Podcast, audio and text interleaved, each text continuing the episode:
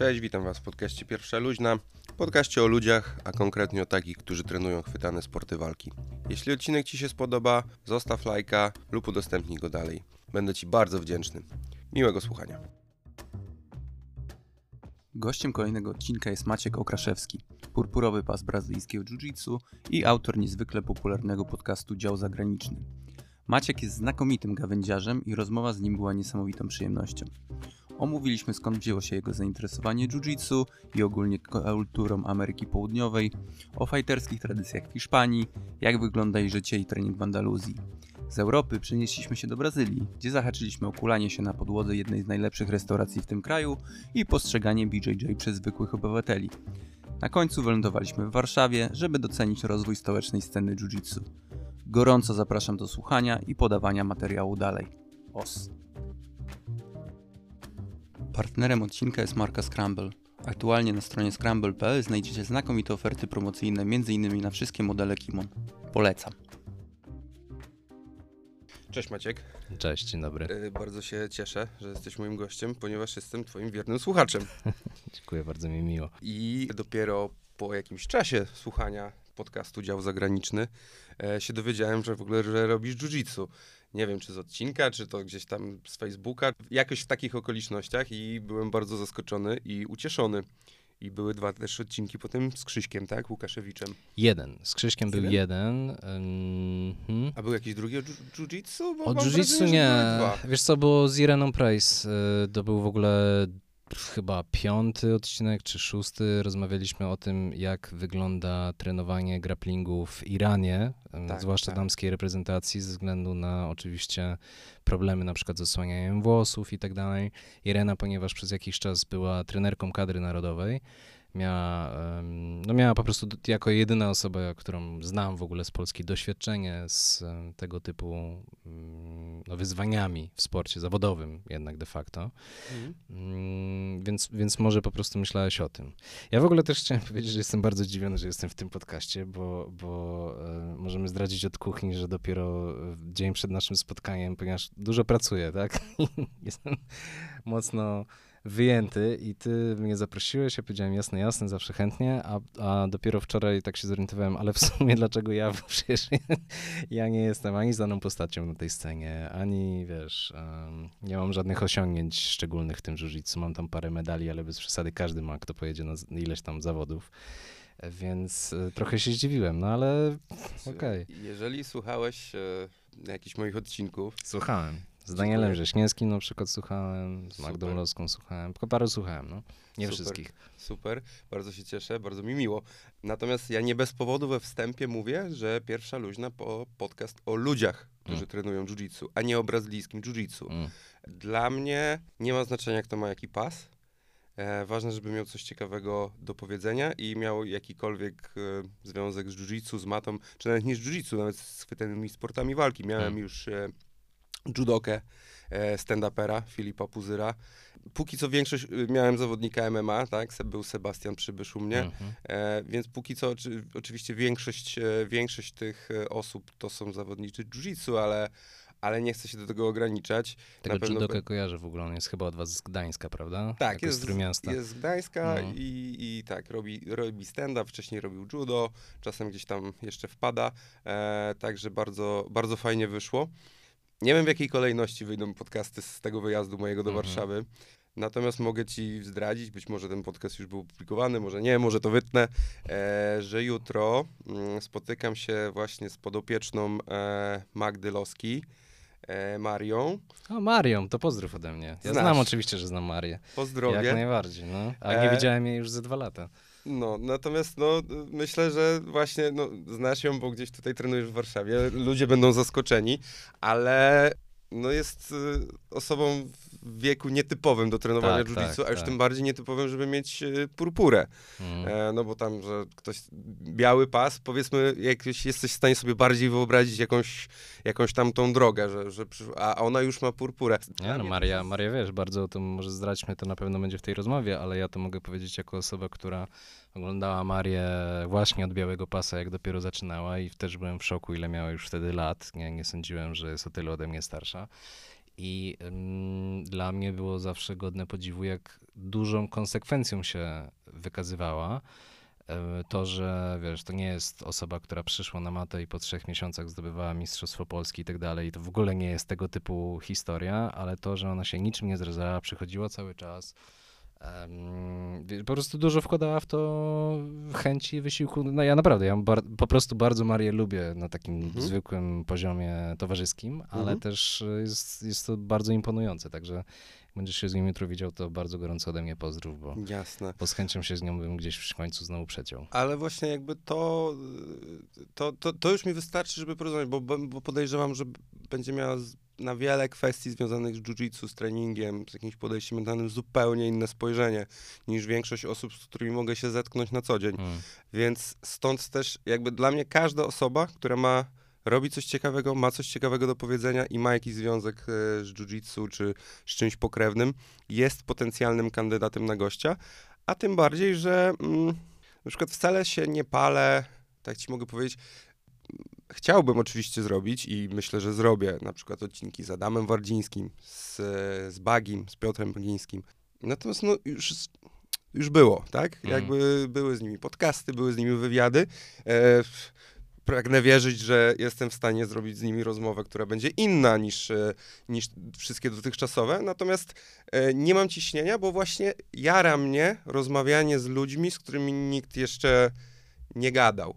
Jara mnie gadanie z młodymi kotami. Był Mateusz Mazur ostatnio Ja jeszcze nie e, widziałem. u mnie. Widziałem, ale to jest. y, Ja przestałem nadążać. Nie wiem, kto to jest, musiałem sprawdzić i faktycznie widzę, że jest to wschodząca gwiazda, a dopóki nie zobaczyłem tego nazwiska, to nie miałem pojęcia, kto to jest. No ja już dawno nie byłem na żadnych zawodach, nawet jako widz, więc przestałem po prostu w ogóle nadążać za rozwojem tej sceny.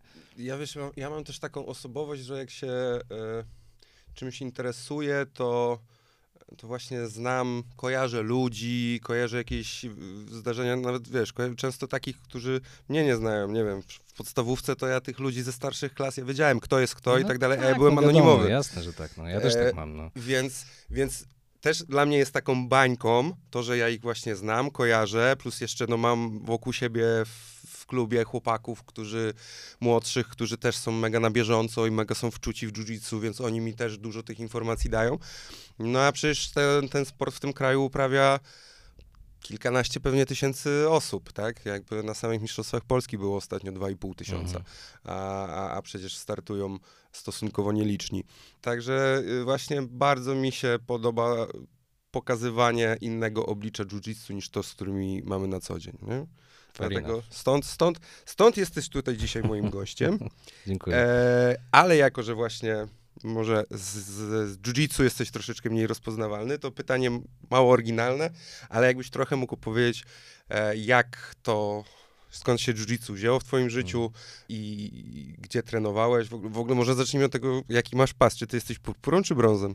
Purpurą wciąż, a trenuję 12 lat. Chyba dużo mówi o moich umiejętnościach. Nie przejmuj się, ja jestem świeżutkim brązem i podobny staż. Wiesz co, jiu-jitsu się wzięło paradoksalnie z KSW, ale nie z oglądania KSW, tylko z pracy przy KSW i nie tylko przy KSW. Ja, ponieważ dla osób, które mnie zupełnie nie kojarzą, nie znają, jestem dziennikarzem, zajmuję się zagranicą zawodowo, prowadzę właśnie podcast dział zagraniczny i tak dalej, ale, on się nazywa dział zagraniczny, nie nazywa się dział zagraniczny i tak dalej, tylko ja po prostu mam tą manierę, że ciągle mówię w ten sposób i pewnie w tej rozmowie będę co chwila tak e, wtrącał właśnie takie, takie powiedzonka. Natomiast zmierzam do tego, że jak byłem sporo młodszy, to dziennikarstwo, zwłaszcza na takim freelancie, polega na tym, że musisz robić cokolwiek, tak, żeby zdobyć doświadczenie. Ja między innymi przez długi czas myślałem, że będę raczej fotoreporterem niż, niż piszącym dziennikarzem, ale myślałem, że będę łączył te dwie funkcje i też zależało mi na tym, żeby zdobywać doświadczenie fotograficzne. I mój kolega Tomek Marciniak, który był wśród współzałożycieli serwisu MMA Rocks, teraz jest między innymi komentatorem sportowym, TJ, tak jest. TJ właśnie znany, e, zaproponował mi, że będzie pisał dla Sherdoga relacje z różnych gal i czy ja mógłbym z nim jeździć jako fotograf na te gale. No i tak się zaczęło i chyba pierwsza, którą robiłem była w Wolsztynie, to był Profight 3. Walczyli tam właśnie między innymi Michał Materla, który miał wtedy o połowę mniej tatuaży, Karol Bedorf, który był o połowę mniejszy. um, Gulliver z Olsztyna, dla tych osób, które stamtąd są, to na pewno kojarzą taką postać. Um, z Kornik, pamiętam, który z, z, zresztą zrobiłem takie zdjęcie. Jeszcze nie był polskim Conorem McGregorem, tylko nie, nie, chudym nie. chłopcem z metalowej kapeli. Tak, był chudym chłopcem z metalowej kapeli i pamiętam, że walczył z jakimś kuzynem Mameda albo Asłambeka, nie pamiętam, no jakby z jakimś generalnie Czeczenem, którego zupełnie już dziś nie kojarzę i znokautował go takim high kickiem na głowę i udało mi się uchwycić ten moment na zdjęciu. Z czym bardzo dobrze to pamiętam i pamiętam też tą halę w Olsztynie, w której były dziury w ścianach. No. Wszystkim było bardzo zimno, bo to była no. zima. I jeździłem z Tomkiem na tego rodzaju wydarzenia, zresztą nie tylko na te, bo, bo na przykład na jakieś stójkowe zawody, Grand Prix na przykład K1 w, na Torwarze w Warszawie fotografowałem, gdzie mm, Izu Ugonok jeszcze walczył jako kickboxer. Mhm. E, Igor Kołacin na przykład też tam miał mieć walkę kończącą karierę. Ale chyba później jeszcze walczył dwa razy, tak mi się wydaje. Tam, tam walczył z takim Włochem. Ma, mało kto kończy karierę tylko jeden raz. To prawda. Także jeździłem na tego rodzaju zawody, a wcześniej trenowałem stójkę. Wiele razy jako dziecko zaczynałem od karate, konkretnie od karate Shotokan w Łodzi, bo stamtąd jestem, do matury tam mieszkałem. Um, trenowałem w, z różnymi, w różnych okresach długości z reguły to było raczej zapalałem się, zaczynałem i przestawałem, ale gdzieś tam jakąś krav magę, jakiś kickboxing, jakąś capoeirę, gdzieś tam próbowałem boks tajski trenować. I ta stójka do mnie jakoś przemawiała, bo ona jest dość zrozumiała, tak to nazwijmy.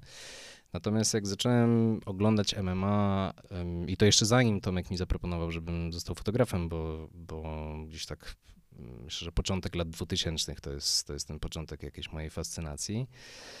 E, oglądałem UFC, oglądałem Pride'a, bardzo dużo gal i tak dalej i bardzo się cieszyłem, jak zaczęli to pokazywać w otwartym Polsacie, jak e, na stula walczył. No, to jest mój, mój właśnie początek z MMA, to jest Paweł Ta. na stula. Bo to jest początek, kiedy zacząłem rozumieć, co to w ogóle jest. Bo wcześniej oglądałem gdzieś to MMA, gdzie się dało, ale kompletnie nie rozumiałem, o co chodzi. Od nastuli zacząłem to jakoś oglądać. Niedługo później zacząłem właśnie fotografować.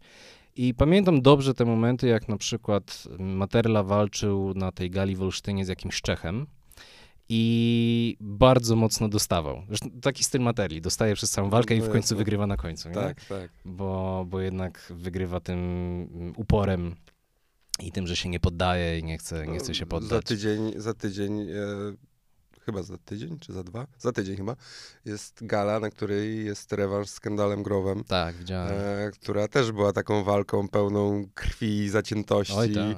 I no, ja to też, jakby, ja myślę, że Michał Materla z zawodników, których y, nie znam osobiście, jest moim ulubionym zawodnikiem. Za, za dwie rzeczy właśnie, za ten taki styl, charakter i za poczucie humoru. Okej. Okay. No to pamiętam po prostu, że Materla jakoś wił się, e, ten Czech go z góry dominował i to było pod siatką, miałem na to bardzo dobre baczenie, co tam się dzieje i on wygrał przez balachę z dołu w pewnym momencie. I to już była końcówka walki, ewidentnie przegrywał z tym Czechem cały czas, na końcu wyciągnął tą balachę.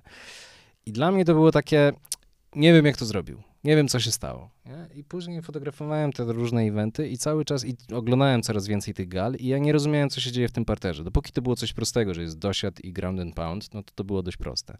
Ale jak ktoś tam kogoś przeberimbolował, zdarzało się już wtedy nawet, albo nie wiem, no nawet jakieś legloki proste i tak. Ja nie do końca rozumiałem, kto, jakby kto w tej chwili ma przewagę tak, nad kim. Kto, kto wygrywa, no. A mój najlepszy kolega Mateusz y, Mękarski trenował już wtedy jiu-jitsu, jeździł na zawody, miał niebieski pas. Był bardzo mocno wkręcony, jak wszyscy na niebieskim pasie. I gadał ciągle o tym jiu-jitsu. I w pewnym momencie stwierdziłem, no dobra, to chyba dobrym motywem, żeby się tego nauczyć, to będzie pójść na jakiś trening, potrenować sobie to jiu-jitsu z pół roku, to wtedy oczywiście będę już umiał wszystko. Mhm. I ogarnę, jak to jest, i będę rozumiał, i będę mógł się skupić na prawdziwych sportach walki, czyli uderzanych. Tak.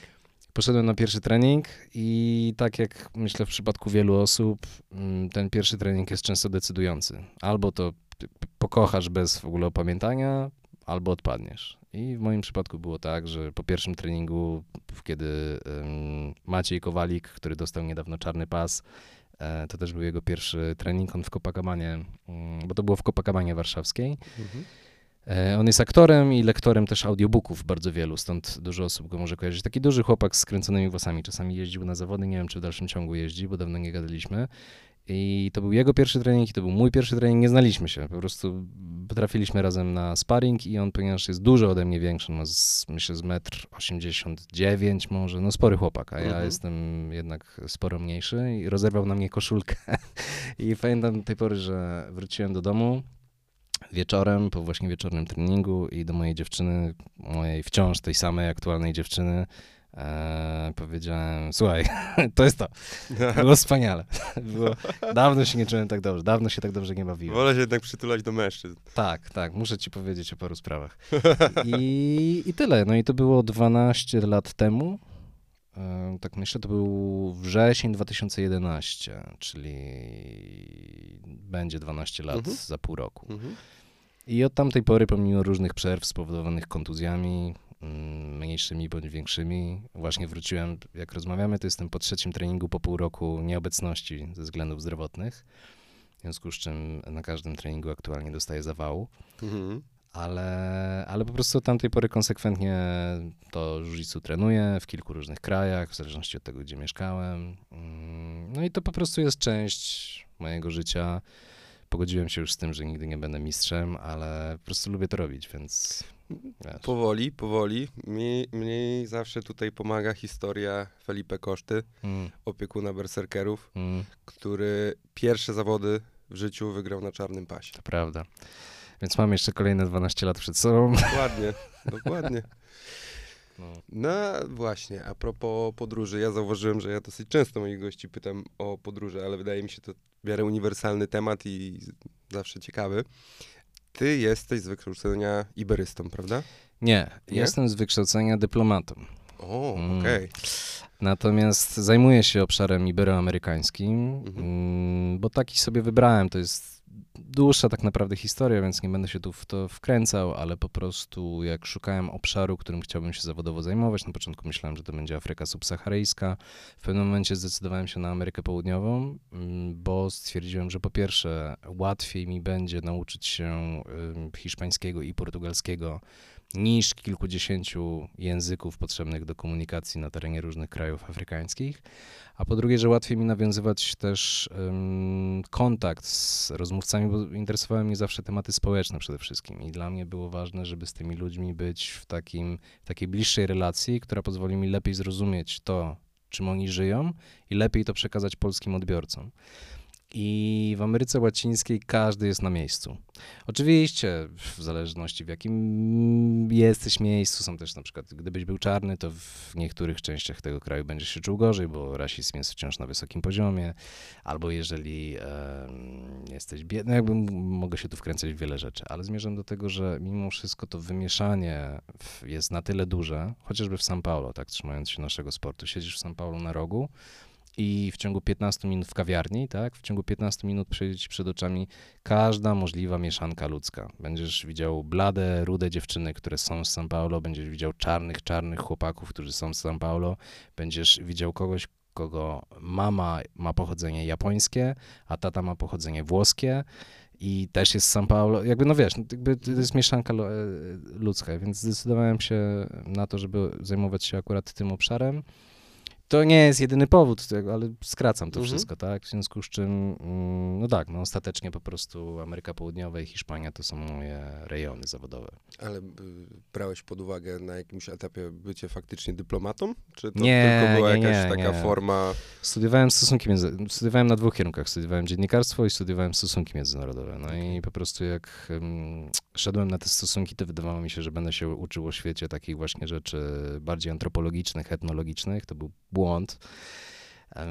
Ponieważ uczyłem się głównie o traktatach, prawo kosmosu, e, prawo międzynarodowe publiczne e, i tak dalej, i tak dalej. I de facto są to studia, które przygotowują cię do właśnie pracy w administracji publicznej w, jako dyplomat. No nie tylko w administracji publicznej, ale taką naturalną ścieżką jest zostanie dyplomatą. I zresztą sporo moich znajomych po tych studiach faktycznie w polskiej dyplomacji albo jeszcze pracuje, albo kiedyś pracowało. Dokończyłeś się, czy kopnąłeś pizdu? Nie, dokończyłem, dokończyłem. Z, napisałem pracę Afro-Latynoameryka, wpływ ludności pochodzenia afrykańskiego na kształtowanie się kultury krajów latynoamerykańskich. Także e, tak. Zresztą ze wspomnianym TJ-em z MMA Rocks, tam się poznaliśmy, on też studiował stosunki. I razem byliśmy na specjalizacji pozaeuropejskiej. Ja się właśnie zajmowałem Ameryką Łacińską, on się zajmował em, Chinami. Mm, A jeżeli mnie pamięć nie myli, to skończył jako kontroler lotów, tak? E, Czy- Tak, na wieży, ale bardzo chciał. E, Mhm. No to mm, zdaje się jest świetna praca. To jest świetna praca, wymagająca też obciążająca psychicznie, ale to więcej może na ten temat powiedzieć. Chyba pracuje w Modlinie, tak mi się wydaje. Nie na Mhm. Okęciu, tylko, tylko Modlin, to jest chyba jego strefa.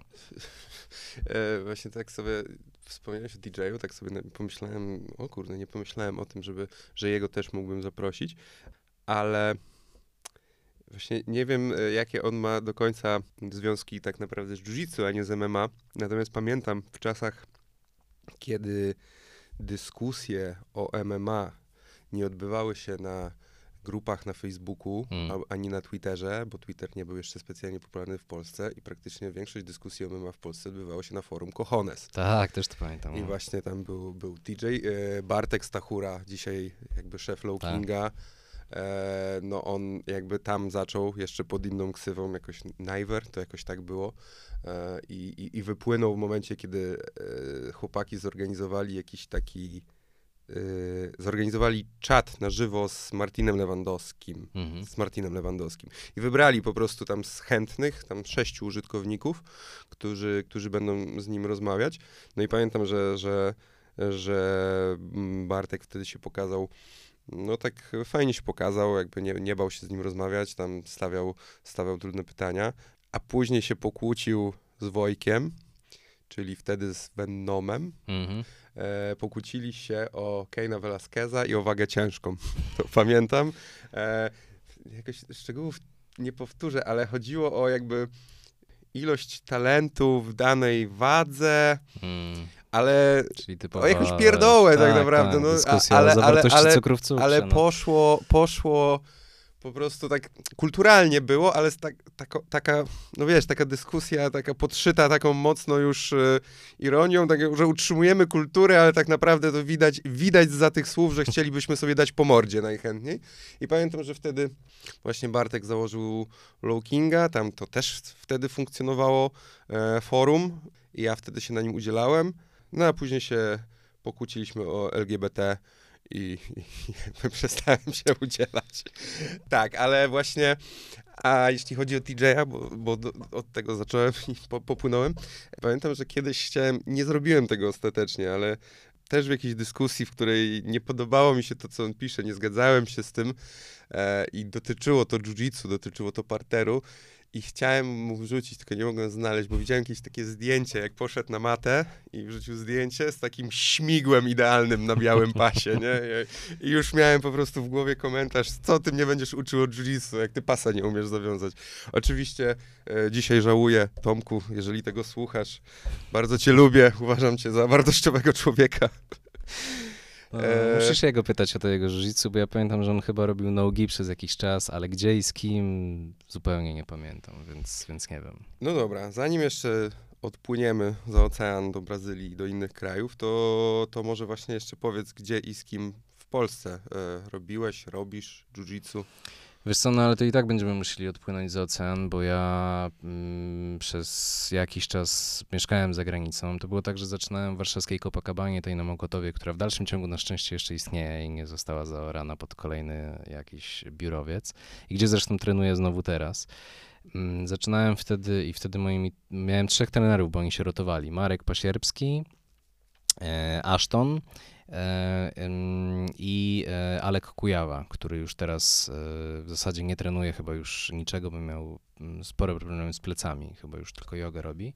On zresztą też wyjechał do Kolumbii na, na długi czas, później mieszkał w Hiszpanii i teraz wydaje mi się, że znowu jest w Polsce, ale też się bardzo dawno nie widzieliśmy. Także zaczynałem w e, Copacabanie. Mm, Jak każdy zaawansowany biały pas po pół roku uznałem, że najwyższa pora na zapasy.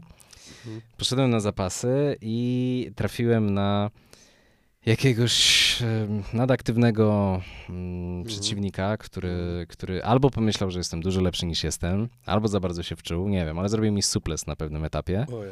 Bardzo źle zlądowałem, e, ale ponieważ uznałem, że no, muszę twardo dokończyć trening, to powiedziałem, że wszystko w porządku, mordo, jedziemy tak. dalej. No tak. Wsiadłem na rower, pojechałem do domu. Mm, To było wieczorem. Wróciłem, pamiętam wtedy jakoś koło 9-10. Te- Dziś ja normalnie tak chodzę spać, ale wtedy, wtedy jednak chodziłem o tej pierwszej, drugiej, a mimo to pamiętam, że byłem taki skołowany. Myślałem, że jestem zmęczony po tych zapasach, po tym jeździe na rowerze, to jeszcze było jakoś dość ciepło chyba, mm, bo to była jakaś właśnie wiosna i mówię do mojej dziewczyny, słuchaj, muszę, jestem wykończony, nie? Kładę się spać. I to był błąd, jak mi później powiedział neurolog. Bo tak jak po nokaucie musisz pozostać w miarę długo, na, na tyle na ile się da przytomny, tak wtedy niepotrzebnie poszedłem spać i rano nie mogłem wstać z łóżka. Okazało się, że miałem uszkodzony ośrodek równowagi w prawym uchu, mm, tam to połączenie, co jest z błędnikiem. Ale trafiłem na bardzo dobrego neurologa judokę, który jak tylko zobaczył moje objawy, to powiedział, co mi jest, tylko wysłał mnie jeszcze na badania, żeby to potwierdzić. Nie wiem, czy ktoś przez to kiedyś przechodził, ale jest to bardzo zabawne, bo układam cię na takim stole, gdzie wkładałem ci dwie rury, jedną do jednego ucha, drugą do drugiego i puszczałem ci na zmianę raz ciepłą, raz zimną wodę. I na tej podstawie oczy dostają oczopląsu, znaczy kręcą się albo w jedną stronę, albo w drugą. Jezu. Tak, i są w stanie ocenić, em, co się z tobą dzieje. I pamiętam też, że jak wchodziłem na to badanie w Łodzi, to em, lekarka, która je prowadziła, zapytała mnie, czy mam coś przeciw temu, żeby studenci się na mnie uczyli. Ja powiedziałem, że w żadnym wypadku, proszę bardzo, zapraszam, jakby wszystko dla medycyny.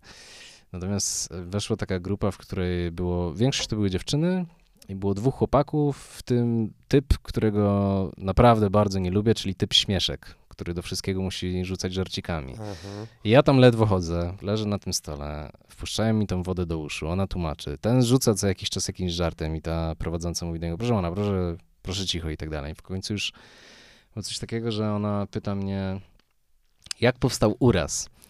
I ja takim grobowym głosem, nie dlatego, że byłem, tylko po prostu wiesz, no stan ogólny mój był nie, nie za dobry. Mówię, Mhm. że na sparingu podczas zapasów kolega, czy tam Mhm. przeciwnik, wiesz, mówię to, że rzucił mną tego i bla, bla, bla. I ten gość się nie odezwał do końca ani słowem. Kupa w majtkach pewnie była. Tak Jak mi to się wydaje. skończy. To jest w ogóle ciekawe, że ja 12 lat trenuję, a nie mam w ogóle nawet śladów um, kalafiorów na To jest uszach. czysta genetyka. Widzisz, ja, ja tak trenuję, praktycznie wychodzi, że trenujemy prawie, prawie tyle samo. Praktycznie tyle nie masz. samo. I też nie mam. Raz miałem tak, że coś mi się jakaś tam gulka zrobiła, ale, ale nic się z tego też ten. nic. A niek- niektórym mm, Po miesiącu od, od, się od robi, byle tak. czego. To, to jest czysta genetyka. Ale zawsze podobała mi się taka, no trochę urban legend, tak mi się wydaje, to jest, Mm. że młodzi zapaśnicy, e, dla których no tak kalafiory są Tak. takim powodem do, do dumy, jeżeli im się nie robiły, e, no to próbowali sobie zrobić same, e, sa, sami e, przy pomocy drzwi. Tak, słyszałem o tym też, e, a ja słyszałem to z kolei w Brazylii, o młodych właśnie jiu że oni tam rzekomo sobie o ścianę, uszy i tak dalej, także takich legend słyszałem dużo. No ale wracając do tej opowieści, to mnie wyłączyło na parę miesięcy dobrych, Mm, brałem leki i miałem rehabilitację. I zanim zdążyłem dokończyć ten cykl leczenia, znaczy rehabilitację skończyłem, ale brałem jeszcze dalej leki, to już się wyprowadziłem za granicę, wyjechałem do Hiszpanii. I w Hiszpanii mieszkałem w Granadzie na południu w Andaluzji. Mm, Sporty walki w Hiszpanii nie są szczególnie popularne. Hiszpania jest bardzo usportowionym krajem, to jest nieprawda, że jest tam tylko piłka nożna. Hiszpanie kochają najróżniejsze formy sportów, ale tak się składa, że te, w których się ludzie ze sobą biją, to nie jest top. Są takie miejsca, gdzie jest troszeczkę inaczej, na przykład Wyspy Kanaryjskie. Od zawsze mają jakąś tam tradycję walki, co wynika też z tego, że mieli swoje tradycyjne zapasy i to był dla młodych chłopaków ze wsi taki rytuał przejścia trochę w dorosłość. W związku z czym na przykład tam jest wysoki poziom jiu i jeżeli ktoś chce trenować w Hiszpanii, to na przykład Wyspy Kanaryjskie są też dobrym miejscem, No nawet wakacyjnie. To warto wiedzieć, jak się leci na wakacje, Tak. że, że przynajmniej rasz do te, A robią tam e, kimona czy nogi? Jedno i drugie, ale Okej. oczywiście nogi Ja jest mam zawsze-. Ja mam zawsze ten problem, że w czasach y, krótkich lotów, Tak. wizyt i tanich linii lotniczych Nie ma sensu tego zawierać. No. Nie, no jest problem, chcesz wziąć gi. Ja jestem, wiesz, jakby zdecydowanie jakby zawodnikiem gi, tak? Tak. Jakby ja trenuję tylko w gi. E, czasem posparuję w nogi, ale, ale trenuję tylko w gi i no jakby zapakować rasza i spodenki to nie problem, ale kimono do bagażu No, podręcznego trochę wiem, większy, wiem, nie? Wiem, wiem, wiem. To jest zawsze droga przez mękę. Robią mi jedno i drugie, natomiast dużo więcej robią nogi, no bo jednak przez większą część roku ze względu na Mm, warunki klimatyczne jest tak, a nie inaczej. Więc przeniosłem się do tej Hiszpanii i szukałem jakiegoś klubu miejscowego mm, i był jeden w tamtym momencie. Teoretycznie były dwa, ale jakby to też jest cała oczywiście długa historia. Jak przyjechało dwóch Brazylijczyków, zaraz się ze sobą pokłócili. Jest to klasyczna historia. E, oczywiście obaj stali na bramkach mm, i jeden na tyle dużo stał na bramkach, że trochę nie miał czasu ten swój klub prowadzić. W związku z czym e, zacząłem chodzić do tego drugiego.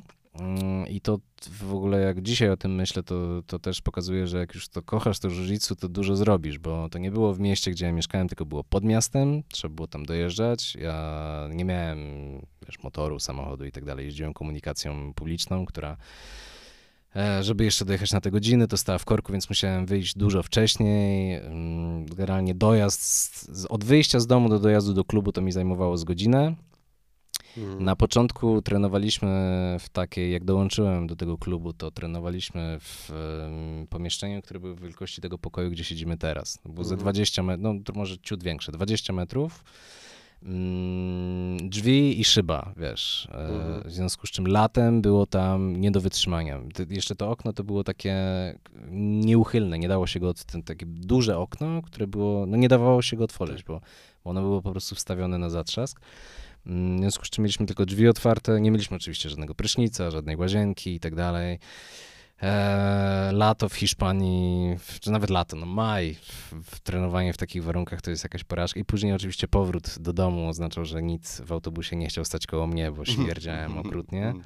Tre, na początku głównym trenerem był taki Luis Zarate, mm, czyli Brazylijczyk z pochodzenia Hiszpan, który w latach, kiedy Hiszpania miała hossę, a Brazylia nie, to przyjechał do kraju, żeby, do kraju przodków, żeby tam zarabiać. Natomiast później, jak ja już dołączyłem, to po pół roku postanowił jednak wrócić do Brazylii, bo sytuacja była odwrotna wtedy. I co ciekawe, Luis był z linii Fady, czyli nie przed tam przez Gracie i Mhm. później się to rozwijało, tylko on jest jednym z tych, wiesz, tak. Mhm. W związku z czym em, no, był to jeden z takich typowych brazylijskich czarnych pasów. Żadna gwiazda, ani żaden mistrz techniki. No masz czarny pas, bo wiesz, bo masz, no. Mm. Jakby jeździłeś na ileś tam zawodów i, i po prostu go sobie wyrobiłeś i otworzyłeś ten klub, ale nie było to, nie było to nic szczególnego. I jak wyjeżdżał, to promował na czarny pas jednego ze swoich uczniów, on się nazywa Ali Dinar, jest Marokańczykiem, em, który przyjechał do Hiszpanii na studia, studiował farmację i Ali wszystko to rozkręcił. Mm, I przenieśliśmy się po jakimś czasie, tam oczywiście nawet nie chcę się wchodzić w te szczegóły rozliczeń, tak, ile trzeba było kimon dać temu Luisowi, jak wracał do Brazylii, jak odpalać mu tam stawkę, to jakby podejrzewam, że każdy, kto w Polsce prowadzi klub, to ma podobne historie różnego rodzaju z Brazylijczykami. I nie tylko w Polsce, jakby to też jest. I nie tylko w jiu tak. Z capoeiry znam dużo takich historii, w związku Mhm. z czym jest to znany motyw. Natomiast jak Ali się za to wziął, to to wszystko nabrało rozpędu. To wciąż było w trakcie kryzysu gospodarczego. W 2008 był międzynarodowy kryzys gospodarczy. Hiszpania była jedną z jego największych ofiar w Europie. Tak. W naszej dzielnicy, gdzie mieszkaliśmy z dziewczyną, na przykład kolejka do urzędu pracy zakręcała dwa razy za róg. Mm, I to w takich warunkach my próbowaliśmy mieć jakiś klub walki. Więc Mhm. to dużo mówi o tym, jak to wyglądało. Znaleźliśmy magazyn na. em, Czyli ty też się jakby zaangażowałeś w prowadzenie tego klubu? Prowadzenie nie, nie, ale po prostu Znaczy, stworzyliśmy no społeczność. Prowadzenie na zasadzie nie, że treningów, tylko klubu, tak? Tak, tak, no w życie klubu każdy, kto tam Mhm. był, musiałby być zaangażowany, bo Mhm. inaczej by to nie, da, nie dało rady A, funkcjonować. okej, okej. Znaleźliśmy ym, po prostu pustą halę e, na poligonie industrialnym. Poligono Industrial, tam, y, jeżeli ktoś w ogóle kojarzy okolice Churiana de la Vega, właśnie mm, pod Grenadą. Mm, No, pomiędzy nami, z jednej strony mieliśmy warsztat samochodowy, z drugiej strony mieliśmy jakiś tam e, skład dywanów, ale dzięki temu mogliśmy mieć po prostu jakiś magazyn, który stał pusty, no bo oczywiście zbankrutował i nikt wtedy nie miał pieniędzy, żeby takie miejsca wynajmować. W związku z czym sami zrobiliśmy matę, sami zrobiliśmy drążki do podciągania, gdzieś tam każdy zwiózł trochę sprzętu jakiegoś, żeby mieć taką mikrosiłownię. E, oczywiście nie mieliśmy pryszniców, Zbytek, zbytek, kompletny Tak, zbytek. oczywiście. E, Mieliśmy, mieliśmy kibel, ale e, musieliśmy wiadrem tam przelewać, e, wiesz, Mhm. zamiast spuszczania wody, w związku z czym jeżeli ktoś miał większe potrzeby niż po prostu wysikanie się, to, to nie było najlepszym To pomysłem. domu. To raczej w domu. Sami tam, e, no mówię, naściągaliśmy te wszystkie rzeczy. W ogóle to miejsce było niesamowite pod względem klimatu, bo mieliśmy te wielkie takie drzwi. No wyobraź sobie taką dużą halę, jak powiedzmy właśnie Copacabana warszawska Mhm. która dla mnie wtedy była w ogóle taką przestrzenią wow, nie?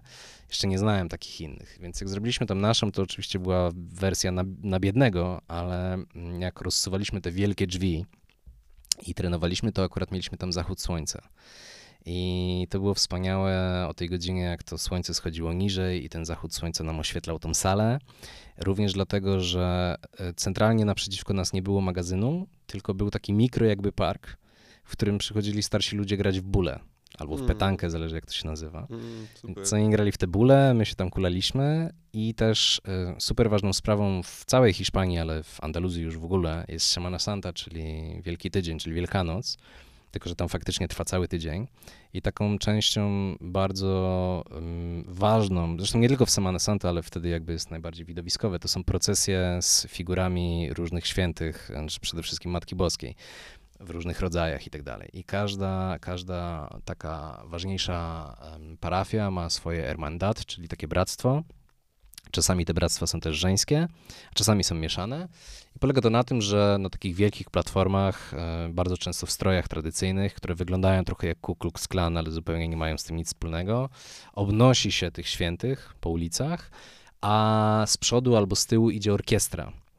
I taka prawdziwa orkiestra, na, wiesz, na mnóstwo instrumentów. I te orkiestry są oczywiście amatorskie, w związku z czym muszą gdzieś ćwiczyć. I jak się zbliża Semana Santa, to no, wiesz, no nie będą tego robić w dzielnicach mieszkalnych, no bo po prostu ludzie chcą odpocząć, a tutaj wiesz, po prostu ludzie fałszują na jakichś trąbkach i tak dalej. W związku z czym oni jeździli ćwiczyć albo pod autostradą, albo na przykład w takich miejscowościach jak to, gdzie my byliśmy, na właśnie takich poligonach ym, przemysłowych, no bo już nikt o tej godzinie tam nie pracuje poza tym w ogóle nikt tam nie mieszka, można sobie pograć. Więc to były fantastyczne momenty, jak się zbliżało do Semana Santa i my trenowaliśmy, mieliśmy otwarte, powiedzmy w kwietniu było to Semana Santa, więc już jest ciepło wieczorami. Mamy otwarte na przestrzał te drzwi, słońce zachodzi, oświetla nam salę, a tam za rogiem gra orkiestra. Wow, I to było takie naprawdę, to było klimatyczne. wow. Natomiast moje jiu cierpiało tam strasznie, ponieważ jak wspominałem wcześniej, sporty walki nie są szczególnie popularne, w związku z czym kto trenuje w takich mniejszych ośrodkach? No, e, Marokańczycy, imigranci ze wschodu i policjanci. Em, w związku z czym to jiu to przede wszystkim jest rzut i kolanem wjeżdżasz po prostu w typa. Jakie berimbolo, człowiek, musisz być z góry? W razie gdyby miał nóż. Po prostu. Em, w związku z czym było to, no było to dość dziwne, e, tym bardziej, że jak wspominałem wcześniej, ja jestem stosunkowo niewielkim typem jak pojechałem w ogóle na pierwsze zawody w życiu, to i też nie dojadałem, bo ciągle nam brakowało z moją dziewczyną pieniędzy. I plus żyliśmy też w taki sposób, wiesz, no, wchodziliśmy sobie do barów i tak dalej, jakby jedzenie nie było wtedy naszą mm, najważniejszym zmartwieniem. E, a ja dużo trenowałem, i, a też y, mam taką genetykę, że nie nabieram łatwo masy mięśniowej, czyli jak ja na przykład przestaję trenować, to chudnę zamiast, e, zamiast wiesz, przybierać Okej. na masie. Mhm. Mm, I teraz właśnie jak miałem przerwę z powodów zdrowotnych, to, to całą masę mięśniową, którą budowałem w pocie czoła straciłem. tak się zdarza. W związku z czym, no wiesz, no z tymi chłopami, właśnie policjantami z oddziałów prewencji, z tymi bramkarzami z dyskotek i tak dalej, no to ja przede wszystkim leżałem na ziemi i próbowałem przeżyć.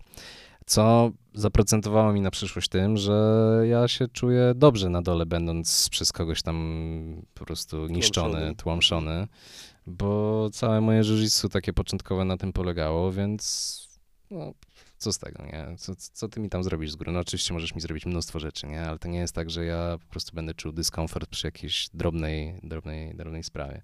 Mhm. Co ciekawe, w całych tych warunkach, nie wiem jak to się stało, wykształciliśmy wielkiego mistrza europejskiego. Józef Kaduro się nazywa. Od dłuższego czasu jest nieaktywny, ale był przez jakiś czas postrachem na brązowych pasach. Józef był, on jest w ogóle z Melii.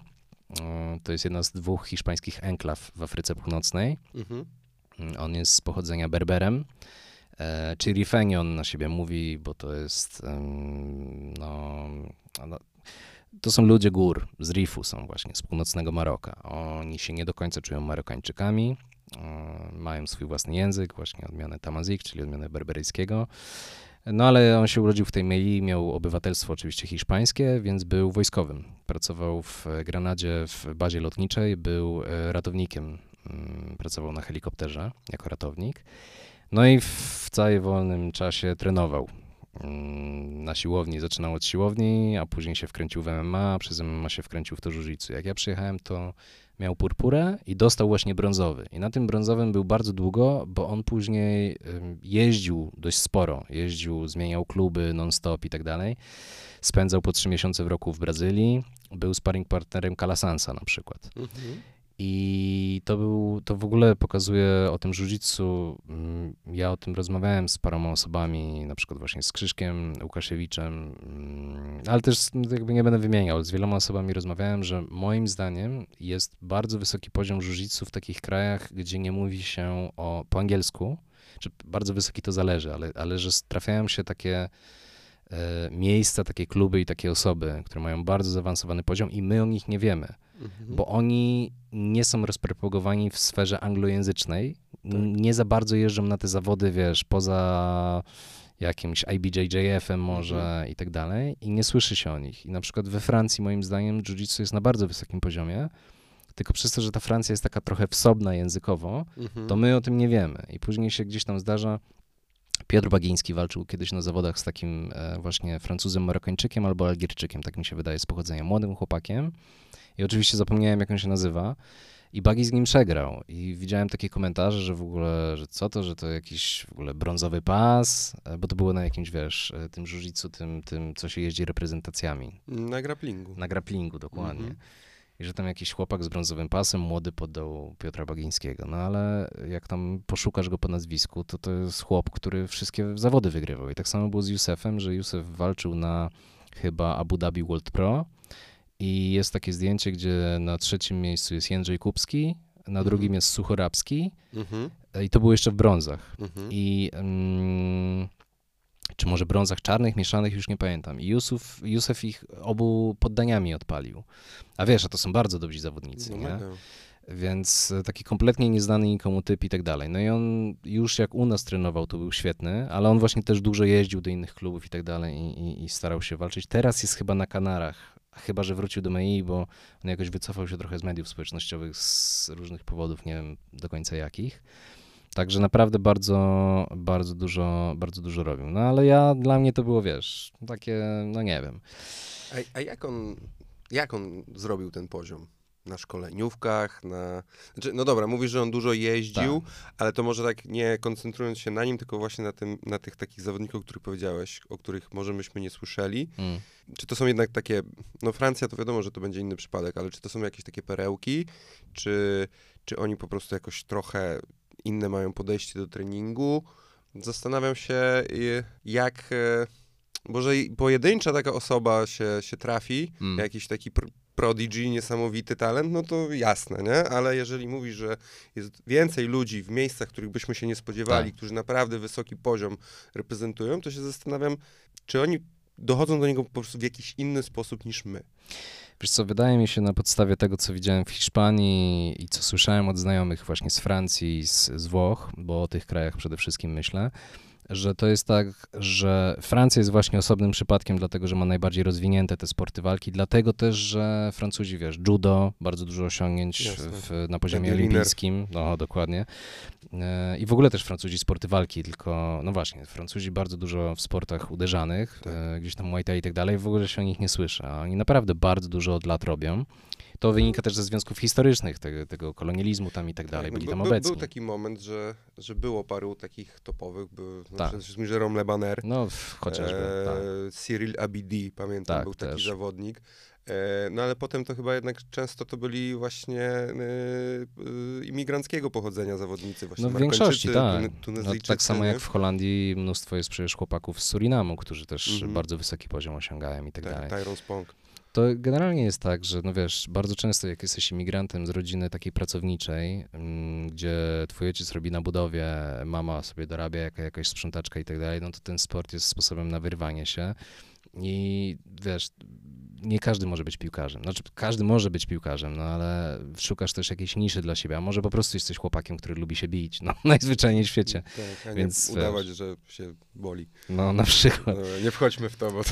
E, wydaje mi się, że wracając do tego tematu, że poza właśnie Francją, w przypadku o Włoszech tylko słyszałem, ale w Hiszpanii miałem okazję to zaobserwować. W Hiszpanii to są pojedyncze przypadki. I to są ludzie, którzy mają wystarczająco dużo samozaparcia, bo to życie jednak w takich krajach jest przyjemniejsze niż u nas. Najzwyczajniej w świecie. Mhm. Masz e, lepszą pogodę. To nie znaczy, że jest cały czas słońce i plaża, jak sobie niektórzy wyobrażają. I jeżeli ktoś tak myśli, to niech się przeprowadzi do Hiszpanii i gwarantuję, że nigdy nie będzie miał takich przeziębień jak, jak tam.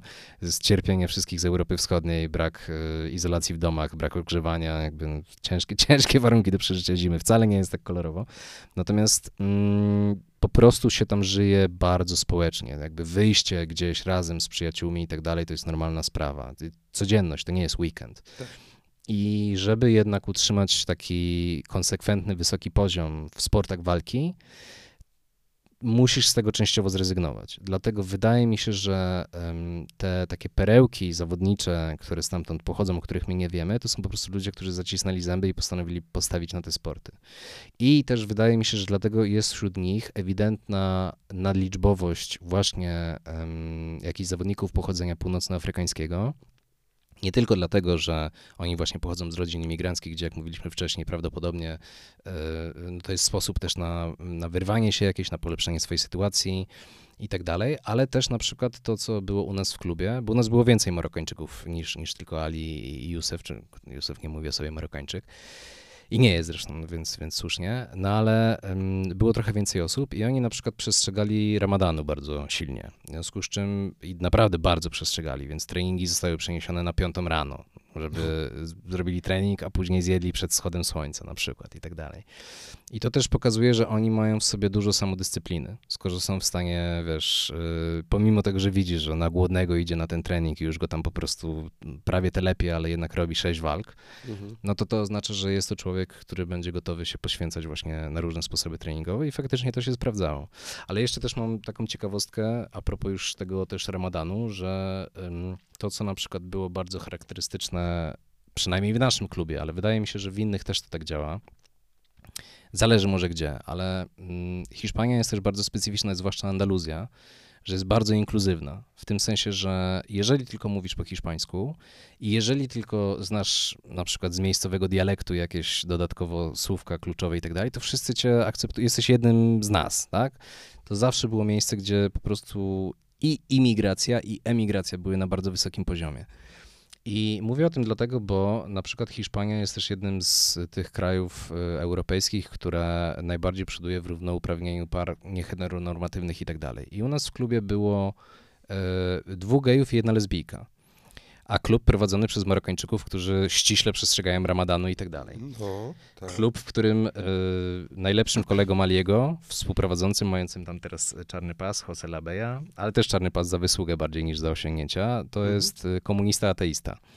O, E, jakby zmierzam do tego, że wiesz, nigdy nikt nie powiedział tam złego słowa. Oczywiście jakieś tam żarty, takie mocniejsze, jak to w szatni, Mhm. y, latały cały czas, ale ze wszystkich stron i nie było problemu, żeby razem... I nigdy w życiu nie widziałem, żeby ktoś na przykład powiedział, że nie będzie robił sparingu z tym chłopakiem, bo on jest gejem i nie Mhm. chce być u niego w trójkącie. W ogóle podejrzewam, że nawet gdyby padł taki argument, to Ali by go wywalił, bo dla niego ten aspekt sportowy był najważniejszy e, na świecie.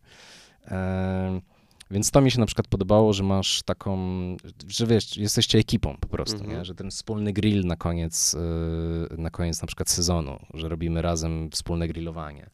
Że właśnie się spotykamy po, wiesz, jakby to też jest normalne, jak ktoś tego słucha, że w Polsce też tak jest, że jest to życie klubowe, ale tam ono jest bardziej takie, tam faktycznie jesteś częścią rodziny jakiejś, nie? I to było bardzo ciekawe. Um, ale wracając do historii o jiu jeżeli mam dalej opowiadać, to się możemy przenieść na inny kontynent, bo ja jeszcze będąc białym pasem wyjechałem do Brazylii. Um, Wiesz co, zanim się przeniesiemy na inny kontynent, jeszcze chciałem cię zapytać jakby, a dzisiaj w 2023 tak. roku, gdybym chciał mieszkać w Hiszpanii, po prostu tak. gdziekolwiek, ale w Hiszpanii i chciał robić jiu-jitsu na jak najwyższym poziomie, to gdzie? Madryt, Barcelona, czy może coś nieoczywistego? Ja uważam, że w Madrycie. Mhm. E, uważam, że w Madrycie jest e, mm, największa konkurencja. Są fajne kluby, e, ale też jest takie życie sparingowe, z tego co wiem. Między innymi jeden z moich kolegów, jestem zresztą trenerem grupy dziecięcej, przeniósł się właśnie z Andaluzji do Madrytu e, i też opowiadał mi, jak to mniej więcej wygląda, ale pamiętam też z wcześniejszych czasów, z zawodów na przykład, jak to wygląda, że zawsze e, te kluby madryckie miały najwięcej chłopaków startują i nie tylko chłopaków, dziewczyny tam też przecież dużo trenują, więc mhm. wydaje mi się, że Madryt, po Madrycie bym plasował albo Barcelonę, albo e, Walencję. Tylko, że ta Valencia i Alicante, cały ten taki powiedzmy wschód, taki Levante, tam zawsze było popularniejsze MMA. Mhm. I, I tam to, myślę, że tam raczej właśnie nogi i MMA, ale może mam trochę zaburzony obraz, nie jestem pewien. Madryt bym stawiał na pierwszym miejscu, na drugim bym właśnie chyba postawił Barcelonę i na trzecim Wyspy Kanaryjskie. Mhm. Słyszałem od chłopaków, że w kraju Basków też, też e, się Vicente sporo dzieje, na przykład, ale on z Francji. No. On jest Baskiem francuskim. No. Tak, no, no, no, no, no. W sumie nie znam do końca jego całego tego backgroundu, tak sobie... No bo kraj Basków jest podzielony między Hiszpanią i Francją, no tak, on jest tak, z Francji, tak, tak. tak. O, jemu zresztą porwali podobno siostrę, bo odmawiał zapłacenia podatku rewolucyjnego dla Ety. Au. E, była jakaś taka dziwna historia. Tak, i on chyba w Paryżu w Gracie Bacha trenuje, z tego mm -hmm, co kojarzę. Tak, tak, tak. No. A dobra, a na chwilę abstrahując od jiu-jitsu, tak sobie kiedyś zastanawiałem się nad tym, że, że Madryt, Madryt tak naprawdę rzadko pojawia się w jakichś opowieściach Hiszpanii, w, w, jak, w turystyce jakiejś hiszpańskiej, jeżeli, no wiadomo, że południe, e, ocean, Andaluzja. Ocean tylko na zachodzie. Yy, Ocean tak, ma tylko skrawek. Tak, tak, przepraszam. Yy, że wyspy i, i, i, pełno takich rejonów, plus ta Barcelona, gdzie no nie wiem, czy to cały świat tak ma, czy to w Polsce, ale mam wrażenie, że w Polsce jest wielki kult Barcelony, masa Myślę, osób. że na całym świecie na tak całym jest. Świecie, tak. okay. Myślę, że to jest stereotyp taki tak, tak. ogólnoświatowy. Tak. A ten Madryt, no nie pojawia się mi jakoś za często jako taka y, miejsce turystyczne gdzie no Lizbona jak najbardziej, no Rzym, tak, Włochy, e, ale, ale ten Madryt jakiś, mam takie wrażenie jakby, jaki jest Madryt? Wspaniały, ale chyba nie chciałbym tam mieszkać. Madryt jest, wiesz co, no, dużą stolicą europejską, porównywalną moim zdaniem w pewnym sensie z, z no nie wiem, czy może porównanie z Rzymem może nie jest do końca trafione. Um, Madryt jest metropolią pełną życia, bardzo żywą. I Madryt jest centrum kulturalnym Hiszpanii, bez dwóch zdań. Barcelona oczywiście rywalizuje i mało tego, no Hiszpania jest o tyle specyficznym miejscem, że tam poczucie lokalnej tożsamości jest bardzo silne. I czy jesteś z Andaluzji, czy jesteś z Galicji, czy jesteś z e, właśnie, no nie wiem, no na przykład z Teruel, o którym są żarty, że nie istnieje, bo nie dochodzi tam pociąg i tak dalej. Masz to, to poczucie, to jest, wiesz. To jest ten obszar tam taki centralny? Północno-wschodni, taki Teruel, bardziej północny wschód. Okay. Ten, nie, bo, bo mm. nie, nie, powiem ci nazwy, ale taki, jakiś czas temu widziałem jakiś taki film na YouTubie mm. a propos na którymś z tych takich kanałów popularno-naukowych a propos takiego terytorium w centralnej Hiszpanii, mhm. Gdzie żyje jakaś taka garsteczka ludzi, gdzie no, a terytorialnie jest to bardzo, bardzo duże. A nie, to ty mówisz o, o Castilla-La Manczy, ale to nie tylko tego dotyczy. Hiszpania ma problem, yy, mówi się o tym Espania profunda, czyli właśnie taka głęboka Hiszpania. Mhm. To jest yy, gwałtowne, bardzo szybkie wyludnianie się prowincji. To dotyka całego kraju. W Kastylii wydaje mi się, że jest to faktycznie najszybszy proces, mhm. natomiast yy, to jest bardzo duży problem. Wyludnianie się wiosek, które powoduje, że wiesz, nie ma tam młodych ludzi najzwyczajniej w świecie, co oznacza, że na przykład zamykają się szkoły, ale to oznacza na przykład też, że zamykają się centra zdrowotne i takie historie, wiesz, Hiszpania też e, zapewnia swoim obywatelom różnego rodzaju usługi, czyli e, historia, którą znam osobiście o staruszku, który potrzebuje jeździć na dializy. I podstawiają mu tam autobusik i tak dalej, ale ten autobusik to jeździ lewo, prawo, lewo, prawo, więc on, żeby dojechać do tego szpitala, to potrzebuje godzinę 10 w jedną stronę i później musi wrócić. Czasami się zdarza, że ten autobusik się zepsuje. No wiesz, e, też Hiszpania przeszła przez ten kryzys, no już z niego wyszła, ale, ale też nie ma nieskończonych środków finansowych. Zresztą problemy ochrony zdrowia wynikają między innymi z czasów oszczędzania z 2012 roku. Natomiast e, to wyludnianie się jest faktem. Ono nie dotyczy Madrytu. Madryt jest akurat takim miejscem, gdzie oczywiście ludzie napływają cały, cały czas. Madryt jest wspaniałym miejscem do życia pod wieloma względami, tylko może nie latem, kiedy jest potwornie gorąco, niewyobrażalnie gorąco. Może być trudno też zimą, mm, ze względu na te problemy z ogrzewaniem, ale to też zależy, w której dzielnicy mieszkasz, w jakim bloku, nie bloku i tak dalej. Mm, I na pewno problemem Madrytu nie do przecenienia jest smog. Madryt, który leży bardzo wysoko w górach, jest najwyżej położoną stolicą europejską.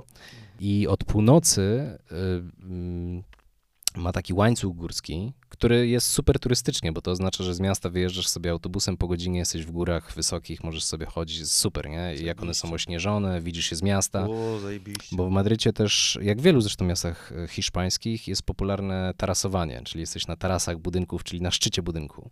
I tam są często kawiarnie. Jesteś w centrum i to Kurwa, polecam do wszystkim. Totalnie, bo są tanie loty w ogóle, bardzo wiesz, szybko tam można dolecieć, dostać się. Mm, Ceny są porównywalne do cen warszawskich, tylko kwestia przylotu i wiesz, gdzieś tam zakwaterowania, ale możesz też mieszkać w jakiejś, nie musisz mieszkać w centrum, możesz mieszkać w dalszej dzielnicy, bo Madryt ma świetną komunikację publiczną, świetne metro. Natomiast problemem jest właśnie to, i a, nie skończymy o tych górach, wiesz, jesteś na jakimś takim tarasie, coś tam sobie pijesz, jesz i masz właśnie na przykład widok na ośnieżone góry, w, powiedzmy tam w lutym, a siedzisz sobie w samej koszulce, bo jest ciepło. Oczywiście jak zajdzie słońce, to momentalnie się robi super zimno, ale świetne, są, świetne są warunki w Madrycie i Madryt jest też bardzo właśnie żywym miastem, takim naprawdę tam się bardzo dużo dzieje, tylko ten smog jest niesamowity i najlepiej go właśnie widać z gór, widzisz tą czapę zanieczyszczenia. I jest to czasami surrealistyczne, bo jesteś w tym mieście na poziomie chodnika, masz nad sobą niebieskie niebo, bo z dołu nie widzisz tego smogu. I na przykład jesteś na stacji, powiedzmy, że dojeżdżasz sobie z jakiegoś tam Leganés czy Hetafe, czyli z takich podmiejs- podmadryckich miejscowości, które już de facto tworzą z nim jeden organizm miejski, Mhm. ale dojeżdżasz takimi, wiesz, SKM-kami, tak? I jesteś na dworcu, a tam nagle ogłoszenie, że wysoki stopień zanieczyszczenia, prosimy dziś nie używać samochodów. Zresztą i tak się można jeździć mm, tylko, wiesz, w określone dni samochodami o takich rejestracjach, o takich rejestracjach po centrum Madrytu, no chyba, że masz tam zezwolenie i tak dalej, bo właśnie chodzi o to zanieczyszczenie. Mm, I to jest problematyczne. Natomiast Madryt jako miejsce do, do życia ym, i tak dalej, to jest, to jest fantastyczne miejsce. No, w ogóle cała Hiszpania jest fantastyczna tak naprawdę, tylko bardzo specyficzna A też. powiedz mi, tak sobie teraz pomyślałem, jeżeli zauroczony ktoś, Tak, jakiś tak. Jujiteiro tą twoją opowieścią stwierdza, chcę, Polecam, chcę mieszkać w Hiszpanii, chcę mieszkać w Madrycie, koniecznie. e, le, lecę i teraz nie umiem, hiszpa- umiem angielski, Tak. nie umiem hiszpańskiego, ale jestem chętny, żeby się zacząć uczyć. Tak. Lecę do tej Hiszpanii, zakładamy, że moja praca, którą wykonywałem w Polsce jest nieprzekładalna na inny kraj, inny język, inną Mhm, kulturę. mhm. Co można by zrobić? Jak, jak się tam zakręcić? Co, jak, jak, jakbyś ty teraz był w takiej sytuacji, ale mając wiedzę na temat Hiszpanii, to, to jakby czego byś szukał? Nie wiem, na Uberze jeździć, czy dostawcą jedzenia, czy może No, Nie, jakaś to jest trudny praca? temat. To jest trudny temat pod wieloma względami. Po pierwsze, Czy bez... byłaby praca, no bo tam oni mają, no pamiętam, z dużych problemów ekonomicznych, dużego bezrobocia. Jest praca dla większości ludzi. Problem polega na tym, czy ta praca ci pozwala na godne życie. Mhm. Jak przyjedziesz tak na pałę, to pewnie nie. I Madryt jest wtedy bardzo złym wyborem do życia, ponieważ oczywiście ceny są znacznie wyższe niż powiedzmy w na przykład Sewilli czy, czy nie wiem, Walencji nawet, chociaż Walencja też nie należy do jakichś super tanich, ale jest tańsza na pewno niż Madryt. Mm, Na przykład w Andaluzji, gdzie oczywiście roi się od osób słabo mówiących po hiszpańsku z różnych powodów, przenoszących się tam na stałe, mm, popularne jest pracowanie w różnego rodzaju korpo, które potrzebują kogoś z językiem angielskim i na przykład jakimś innym, czyli powiedzmy na przykład angielskim i polskim. No ale wtedy musisz też iść na kompromisy, mieszkać w jakimś takim miejscu, wiesz, trochę może mniej kosztownym, Mhm. może będziesz potrzebował samochodu albo motoru, żeby się gdzieś tam poruszać. E, Madryt oferuje najwięcej możliwości na takie też prace dorywcze, typu właśnie na przykład jakieś tam uberowanie i tak dalej, ale w Hiszpanii jest ten fenomen mil euristas, mil euro, czyli tysiąc euro, czyli to jest oczywiście jakaś taka umowna granica, że zarabiasz to tysiąc euro, to ci pozwala na to, żeby wynająć pokój i żeby sobie sympatycznie spędzić czas ze znajomymi, ale nic nigdy nie odłożysz. Nigdy nie wyjdziesz poza tę granicę. Dlatego tak wiele osób mieszka w dalszym ciągu z, na przykład z rodzicami i tak dalej. To też rzeczywiście wynika z problemów strukturalnych wcześniejszych, ponieważ y, bardzo jest wysoki stopień porzucania szkoły y, jeszcze przed zdaniem matury. Ludzie idą do, właśnie szukają jakiejś pracy, ym, żeby sobie pozarabiać i tak dalej. Jak masz tam 16 lat, 24, to spoko. Ale nagle się orientujesz, że masz 34 i dwójkę dzieci, a całe życie robisz w e, takiej formie. I to, I to nie jest wyspecjalizowana praca. Ty nie jesteś elektrykiem. No, Albo robisz wiesz, pizzę. Nie? Robisz pizzę na przykład i nagle się okazuje, że te pieniądze nie starczają ci na, na dobre utrzymanie. I znów, państwo w Hiszpanii na różne sposoby pomaga, ale jest to czasami takie bytowanie na granicy. I Hiszpania jest wyjątkowa pod tym względem, że dla osób, które nas słuchają i sobie myślą, w Polsce też tak jest. Bardzo często, bo jesteśmy krajem taniej pracy, zapracowujemy się za długo z tego powodu, na wszelkiego rodzaju szczeblach. Nawet jak ktoś zarabia dużo, to pracuje za dużo i tak dalej. Hiszpania jest o tyle przyjemna, że nawet jak zarabiasz nieszczególnie dużo, nawet jak twoja sytuacja ekonomiczna jest z tego powodu w opłakanym stanie, to ta jakość życia jest stosunkowo wysoka dzięki tej siatce społecznej. To też było widać podczas pandemii, gdzie w Hiszpanii te grupy sąsiedzkie, na przykład w Madrycie właśnie słyszałem od znajomych, e, jak to wygląda, no oglądałem po prostu też w internecie, że grupy y, sąsiadów się organizowały, żeby sobie nawzajem pomagać, wiesz, ktoś czegoś potrzebuje, a ktoś może wyjść, a ktoś nie może wyjść, to to dla ciebie załatwią. I tam się żyje też bardzo wspólnotowo i to jest bardzo też hiszpańska rzecz. Nie wszędzie to wygląda tak samo silnie. Na pewno silniejsza jest taka wspólnotowość powiedzmy Andaluzji niż na przykład y, Galicji, co wynika też ze specyfiki. Galicja jest taka bardziej z kolei stereotypowo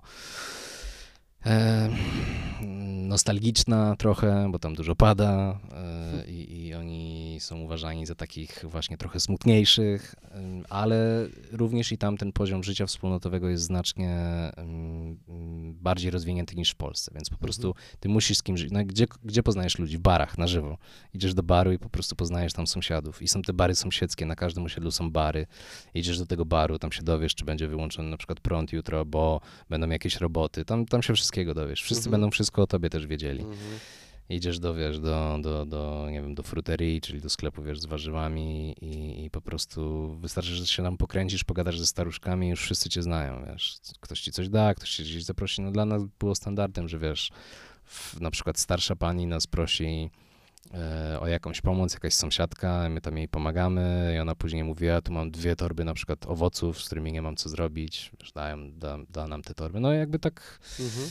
to jest tego rodzaju życie, więc jeżeli kogoś to super interesuje, żeby tam pojechać i tak dalej, no to bardzo zachęcam. Natomiast niech się nastawi na to, że um, Hiszpanie nie są generalnie za dobrzy w języku angielskim. W Madrycie okej, jeszcze się da. No tak? chyba lepsi niż Francuzi. A nie, no to na pewno. Chociaż też, no nie wiem. nie wiem, nie wiem. Jest y, niski poziom nauczania języków obcych w Hiszpanii. Jest, jest z tym bardzo źle. Jeżeli ktoś dobrze mówi po angielsku, to znaczy, że albo ma bardzo dużo samozaparcia, albo prawdopodobnie pochodzi z lepiej sytuowanej rodziny, albo może ma jakieś też przeszłość anglojęzyczną, na przykład w rodzinie i tak Mhm. dalej. Ym, I też kwestia nauczenia się języka hiszpańskiego. Język hiszpański jest bardzo prosty i można się go bardzo szybko nauczyć. Myślę, że dla Polaków jest stosunkowo prostym też językiem ze względu na wymowę. Natomiast jest też kwestia tego, że no, w Hiszpanii mówi się w kilku językach. Hiszpański jest tylko jednym z języków urzędowych. Jest też kataloński w Katalonii, galicyjski. E, Jest nawet oksytański w Dolinie Aran, która jest formalnie częścią mm, Katalonii, ale jest odrębna kulturowo, trochę przypadkowo tam jest. Tylko kilkanaście tysięcy ludzi mówi tym oksytańskim. Więcej ludzi we Francji nim mówi niż tam. No jest też rzeczywiście baskijski. Są miejscowe dialekty, y, dialekty hiszpańskiego. Jest bardzo często tak, że ludzie z innych części Hiszpanii nie zawsze rozumieją mm, kogoś z Andaluzji i to też zależy z której części Andaluzji, bo ona też nie jest, wiesz, równomierna i na przykład ludzie z Granady mogą nie zrozumieć do końca, co mówi osoba z Kadyksu. Też zależy stopień twojej edukacji, skąd jesteś, czy mówisz bardzo silnym dialektem, czy Mhm. jednak mniej silnym. Mhm. No ale zdarzyło mi się na przykład być w kinie ze znajomym i e, właśnie na filmie rozgrywającym się w Kadyksie i później zapytać, ty, co on właśnie powiedział? Nie wiem. No nie wiem.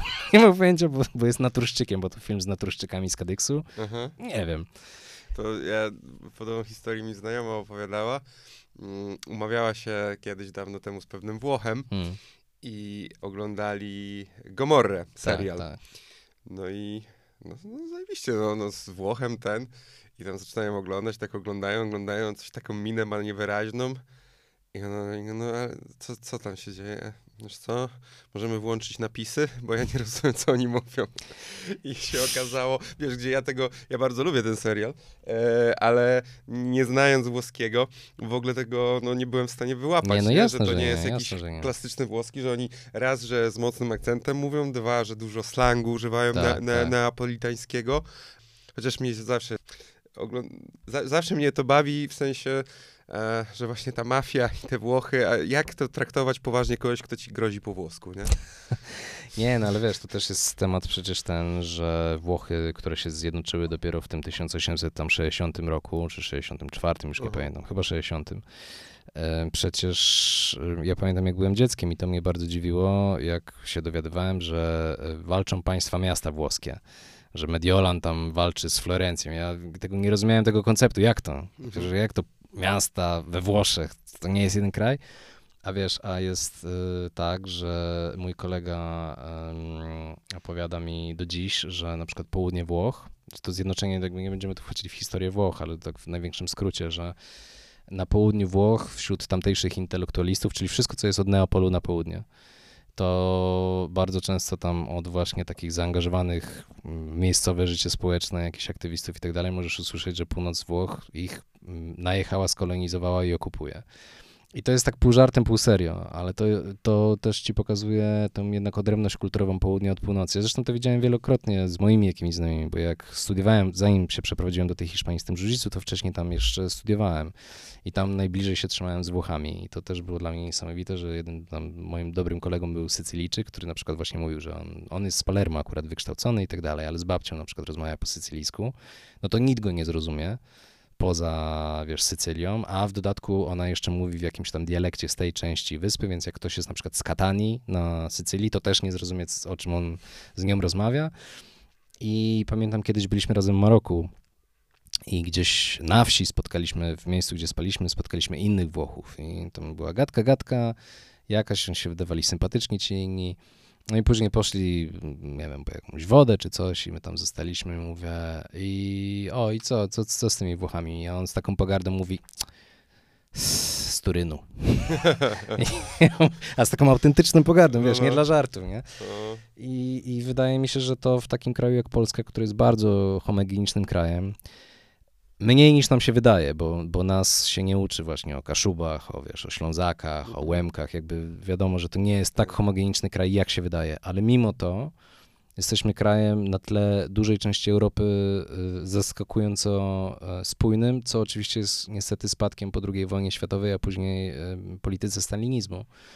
Mm, No, ale tak, jak się jeździ do, do właśnie do Hiszpanii, do Włoch, nawet do części Francji, chociaż w tej Francji już te miejscowe dialekty zanikają, bo Francja też postawiła w pewnym momencie, niedawno czytałem o tym tekst bardzo duży, że, że właśnie wszystkie te języki lokalne zanikają bardzo silnie, bo Francja je trochę niby nieumyślnie, ale jednak umyślnie wyniszcza. Właśnie, Mhm. właśnie po to, żeby francuski był dominujący, ten standardowy francuski. mhm. Wiesz, w Wielkiej Brytanii na przykład przecież zaniknął, e, też było dużo miejscowych języków jeszcze do stosunkowo niedawna, jeszcze z początku XX wieku. Ludzie na przykład w Korunwali mówili własnym językiem, a on już praktycznie nie istnieje. Mm, Także no jest dużo jeszcze takich przykładów tego, że, że te dialekty, języki i tak dalej, że to wszystko nie jest takie jednorodne, jakby nam się wydawało. No ale, ale tak. No dobra, to lecimy do Brazylii w takim razie. Mm. Biały, niebieski? Na białym. Na białym poleciałem do Brazylii. Ja nie pierwszy raz i nie ostatni, bo ja w Brazylii bywałem wcześniej, bo ja mam rodzinę w Brazylii.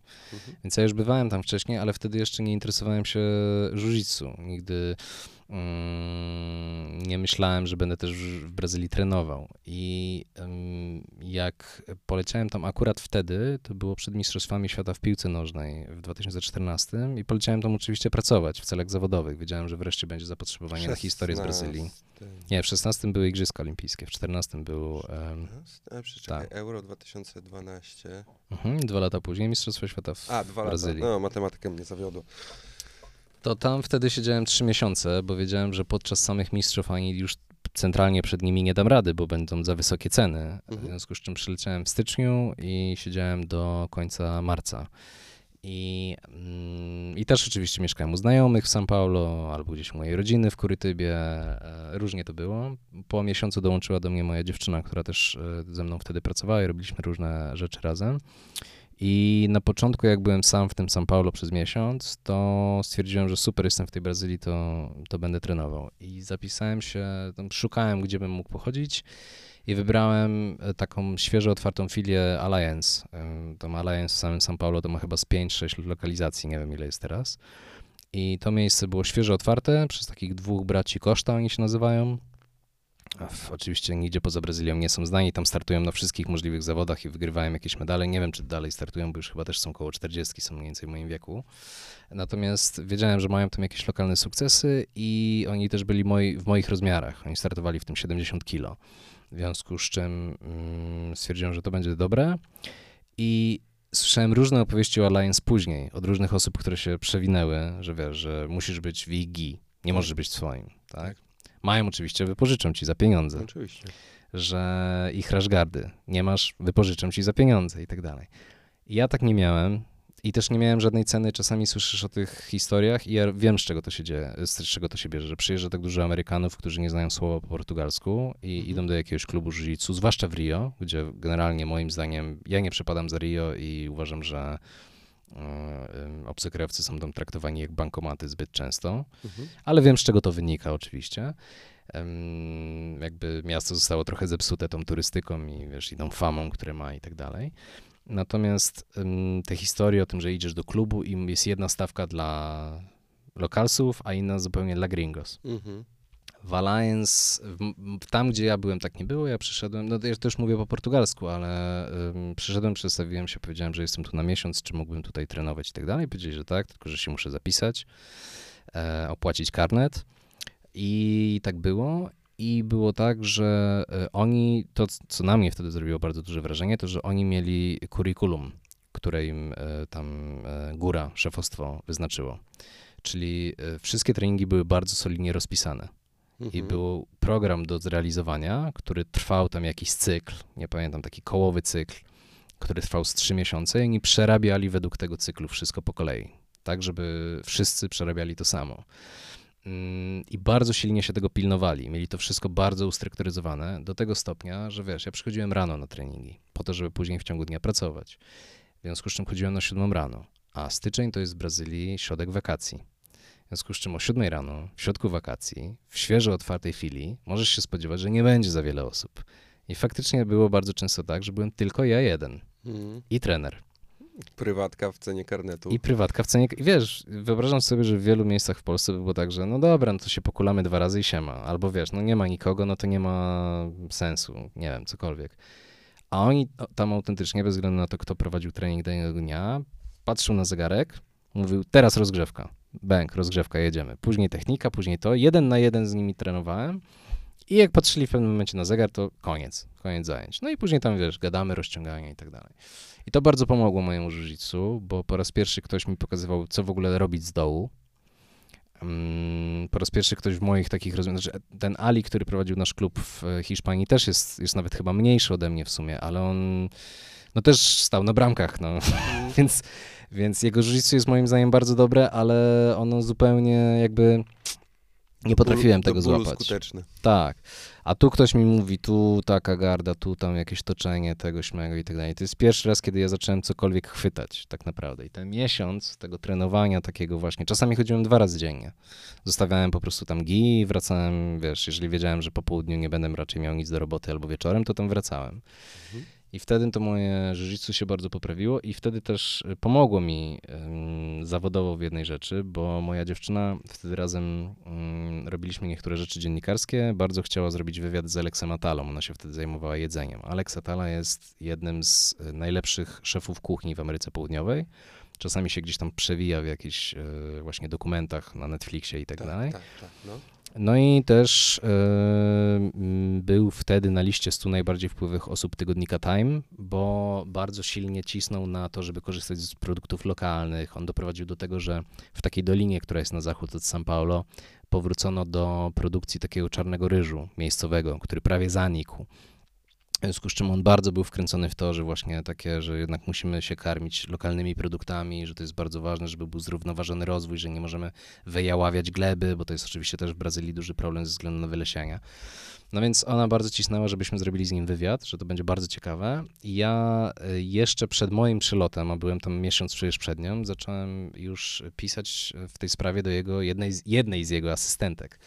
Na co ona mi odpowiadała, że bardzo szczerze, że nie ma mowy, bo on dostaje takich prośb o wywiad 10 dziennie i musiałby nic nie robić, tylko udzielać wywiadów, więc on rozmawia z jakimś New York Timesem, albo New Yorkerem, albo może Guardianem, ale nie wiem, BBC, ale nie będzie rozmawiał z kimś tam, wiesz, z Polski, nawet nie wiedzą, co to jest za tytuł. Tygodnik Polityka, co to w ogóle jest, nie? No i ja mówię, że okej, ale my tu będziemy przez parę tygodni, możemy się dostosować do dnia, do godziny, będziemy jak chcemy. Oczywiście jak już byłem w tym São Paulo, to też zrozumiałem, że on wtedy był totalną mega gwiazdą, bo i dlatego też ważne w dziennikarstwie jest bycie reporterem, bycie na miejscu, że trudno się robi, wiesz, na odległość dziennikarstwo zagraniczne. Można, jak masz duże doświadczenie, tak? Ja mam duże doświadczenie, to mogę ukręcić z tego fajne materiały.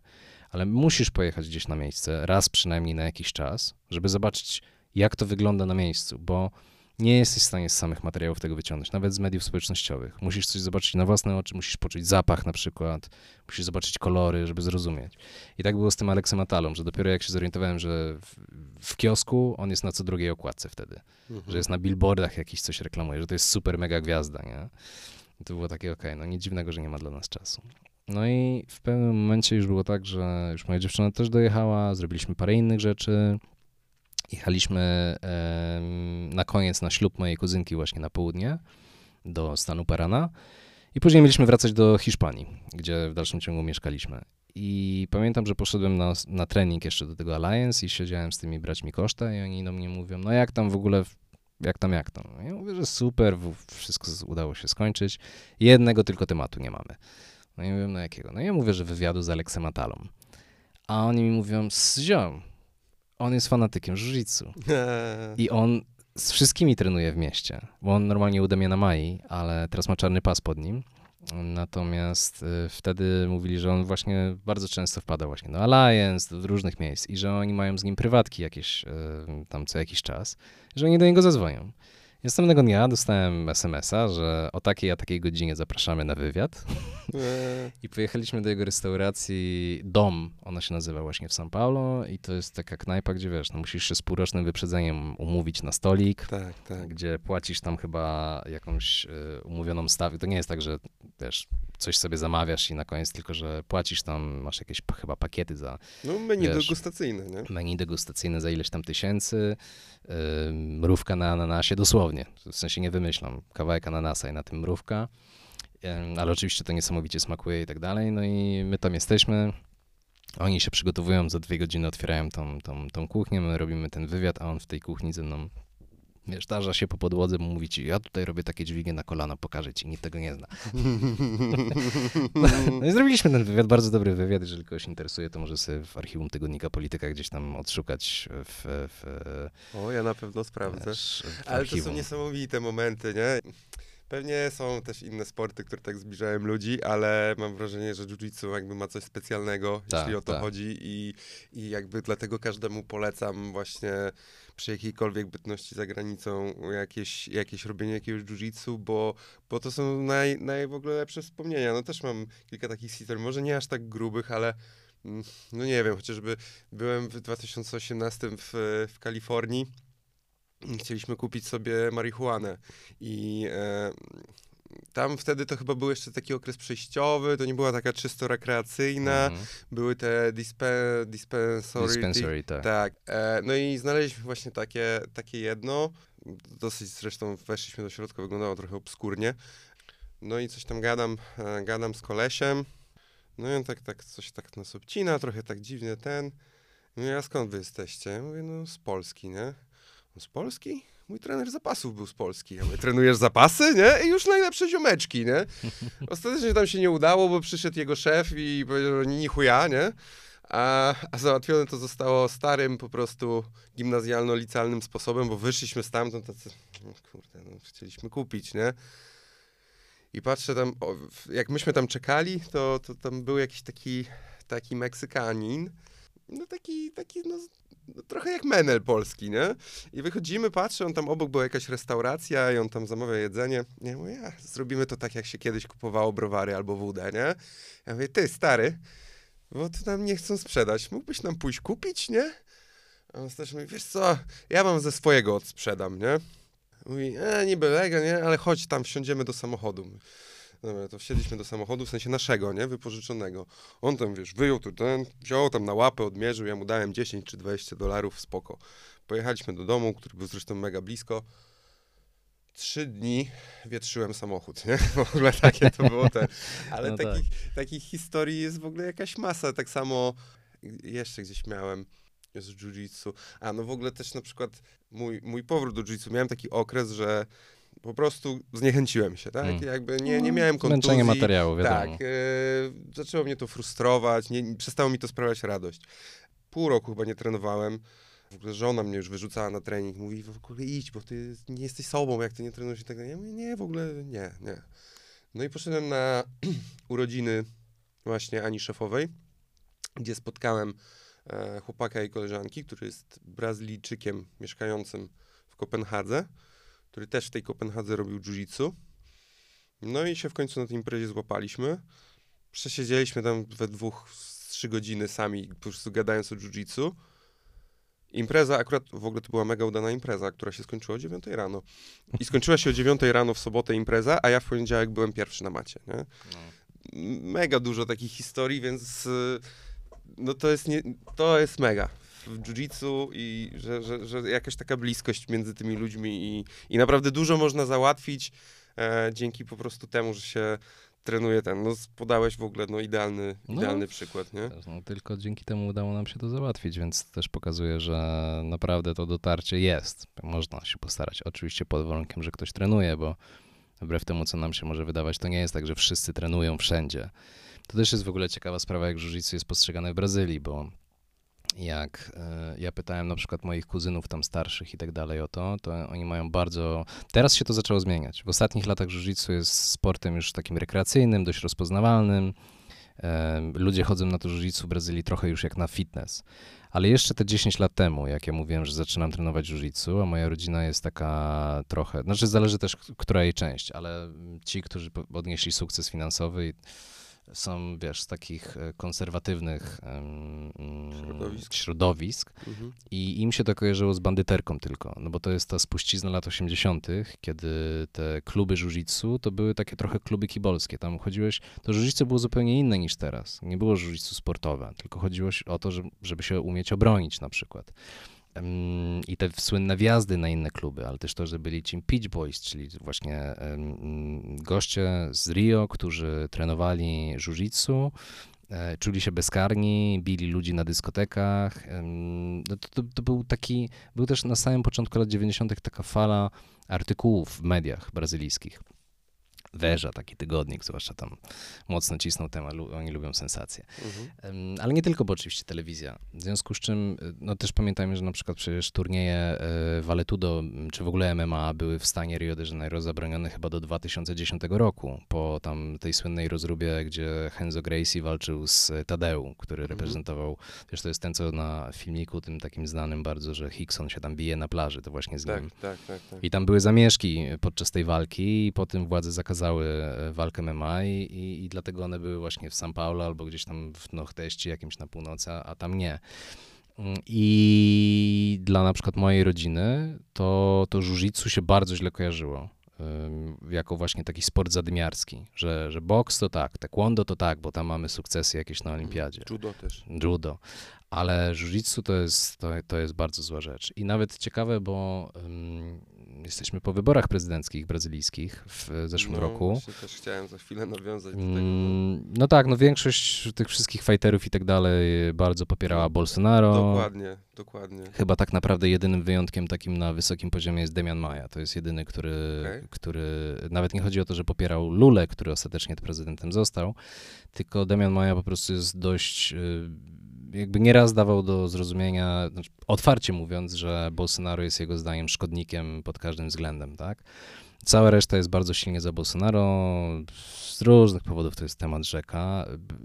Na przykład Henzo Gracie, co jest ciekawe, jego ojciec dał ten, to, to był ten właśnie, co wiązał czarny pas na, na pasie przyszłego prezydenta Brazylii. A przecież ojciec, y, czyli Hobson, tak, ojciec Henzo, był podczas dyktatury wojskowej em, trzymany w więzieniu y, i tam podobno pobity w tym więzieniu za e, związki bardzo dość luźne z lewicową partyzant, par- partyzantką, ale chyba trzy miesiące przesiedział tam. Rodzina go nie mogła stamtąd wyciągnąć mimo swoich koneksji.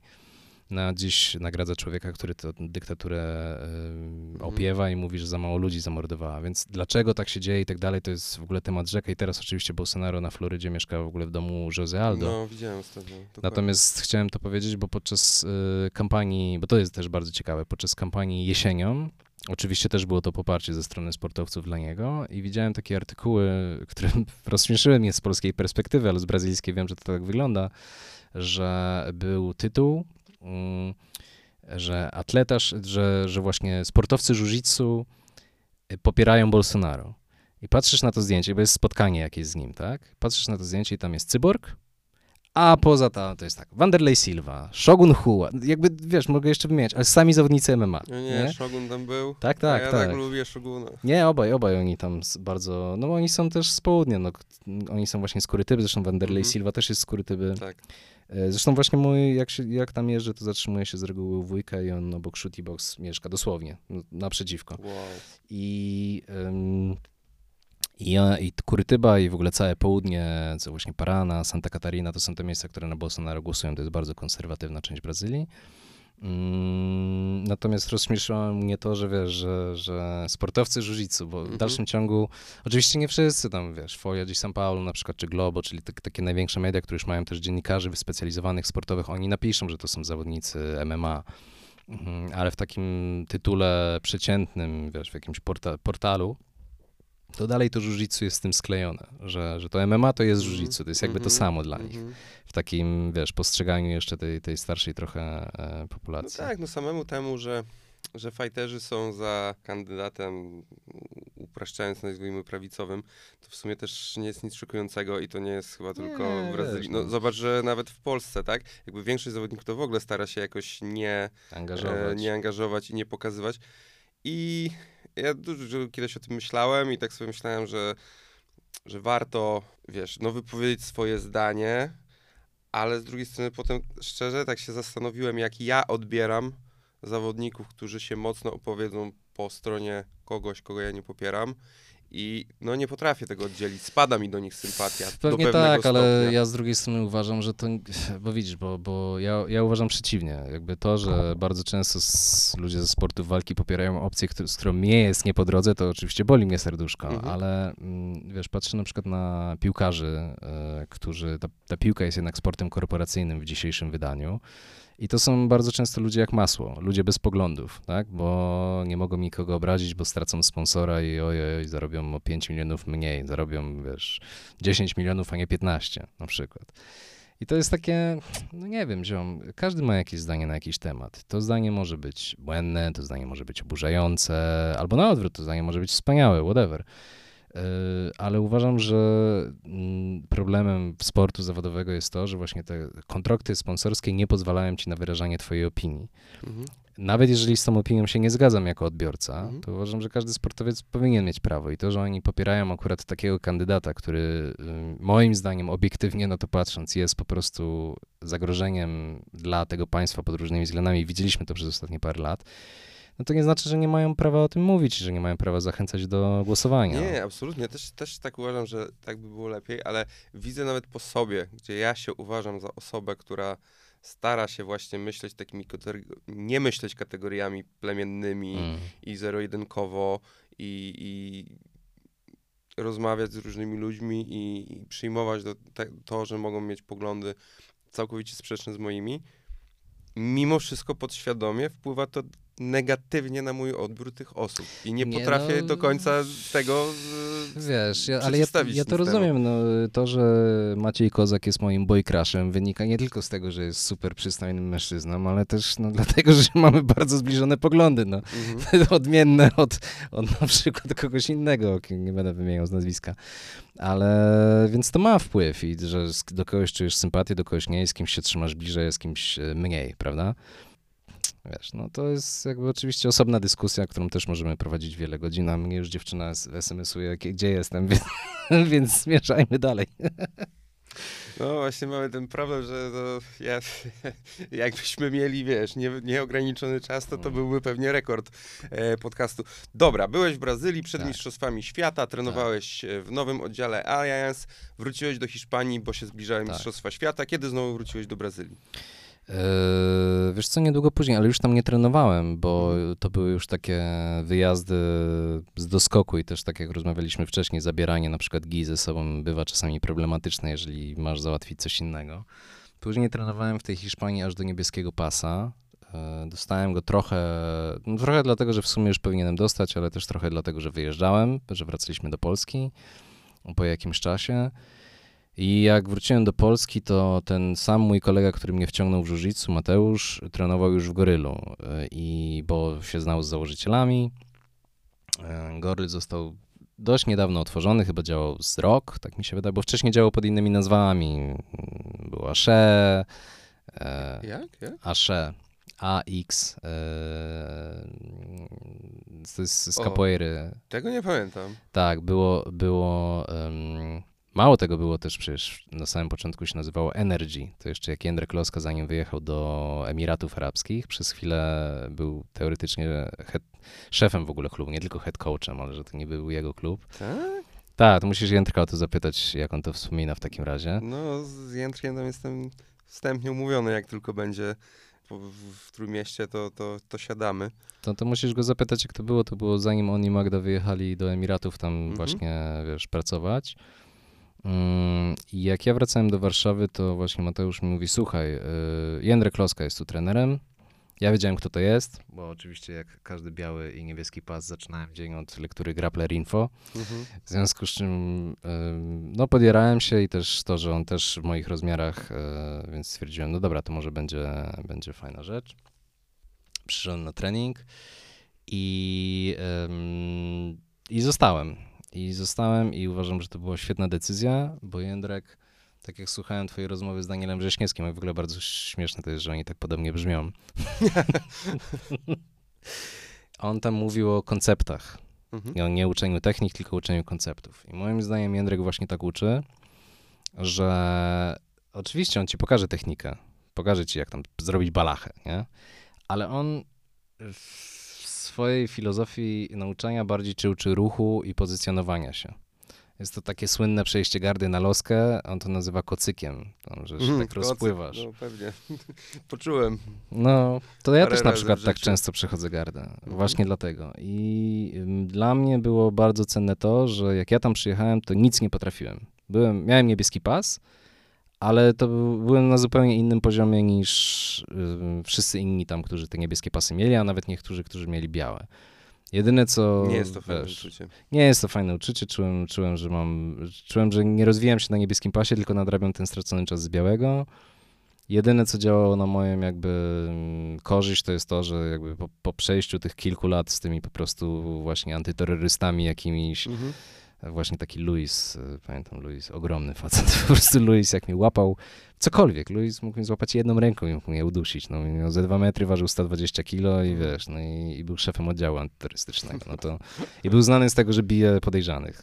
Na mieście chodziły o nim różne. ró- Nawet, nawet y, inny gość, y, Paco, który był z kolei szefem oddziału prewencji, mówił, że z Luisem lepiej, lepiej się nie kłócić. Nie. Więc po tym wszystkim przynajmniej byłem, wiesz, taki, że. Zahartowany. Zahartowany. Natomiast Jędrek ym, ym, chyba 4 lata, tak mi się wydaje, że z 4 lata z Jędrkiem trenowałem, może 5. Mhm. Mm, I na początku, to tak jak mówię, było bardzo do tyłu, ale cieszę się, że w sumie na tym takim poziomie dość podstawowym na niego trafiłem, bo takich konceptów może gdybym był bardziej zaawansowany, to bym nie podłapał, bo to już jest, wiesz, że trudno ci się na pewnym etapie zmienić twój styl gry, nie? Mhm. A, a nawet nie jest tak, że on mi pokazywał, tylko wystarczyło po prostu konsekwentnie chodzić na te treningi i patrzeć, co robi. Ale też na przykład kulanie się z nim było dla mnie istotne, bo Jędrek ma taki styl kulanki, że on cię podpuszcza do różnych rzeczy, żeby zobaczyć, co ty zrobisz. Tak, tak. I to też jest moim zdaniem bardzo. A ponieważ on cały czas to wszystko kontroluje, jak po raz pierwszy go poddałem, to myślę, że ja byłem bardziej zdziwiony niż on. Nie? Że to Mhm. było takie, o wow, że, naprawdę, Mhm. że się udało, nie? Czyli, Mhm. że poszedłem odruchowo w dobrą stronę. Mhm. I, I bardzo jestem mm, za to wdzięczny. Uważam, że mój rozwój w jiu to jest w zasadzie w całości dzięki Jędrzejowi Losce i bardzo wiele patentów do dziś stosuję i, i bardzo często widzę, jak jestem gdzieś w jakimś innym klubie, że inni ludzie się tak nie zachowują, nie mają takiej stylowy. I Mhm. jak ja robię to po swojemu, że na przykład czasami trudno mnie poddać, bo ja po prostu jak, jak czuję, że jestem w pozycji zagrożonej, to całkowicie wiotczeję, się rozluźniam. I tego się nauczyłem od Jędrka, że jak jesteś taki luźniejszy, to łatwiej się wyśliźniesz. Ktoś na przykład traci tą czujność, wiesz, albo po prostu łatwiej ci jest, wiesz, jak nie jesteś taki ponapinany, łatwiej ci się wyśliznąć z tego duszenia Okej. e, z jakiejś tam innej pozycji. Więc to było super. Od Jędrka dostałem purpurę mm, i przeszedłem wtedy z powrotem do Copacabany w Warszawie, bo z różnych powodów zawodowych y, nie mogłem już chodzić na grupy popołudniowe. Mhm. Natomiast y, w ym, Gorylu ta grupa poranna jędrkowa była chyba dopiero o 9 albo 9.30, to dla mnie już było za późno. Tak. Bo zanim się skończy trening, zanim ja się porozciągam, co też jest dla mnie ważne, No to już jest 11. A w kopie Marek ym, prowadzi Pasierbski, czyli ten sam, którego zaczynałem, Tak. o 6.30 tę grupę. I to jest To dla mnie idealne. Nie, to jest chore. To, to jest No, po prostu tak. straszne.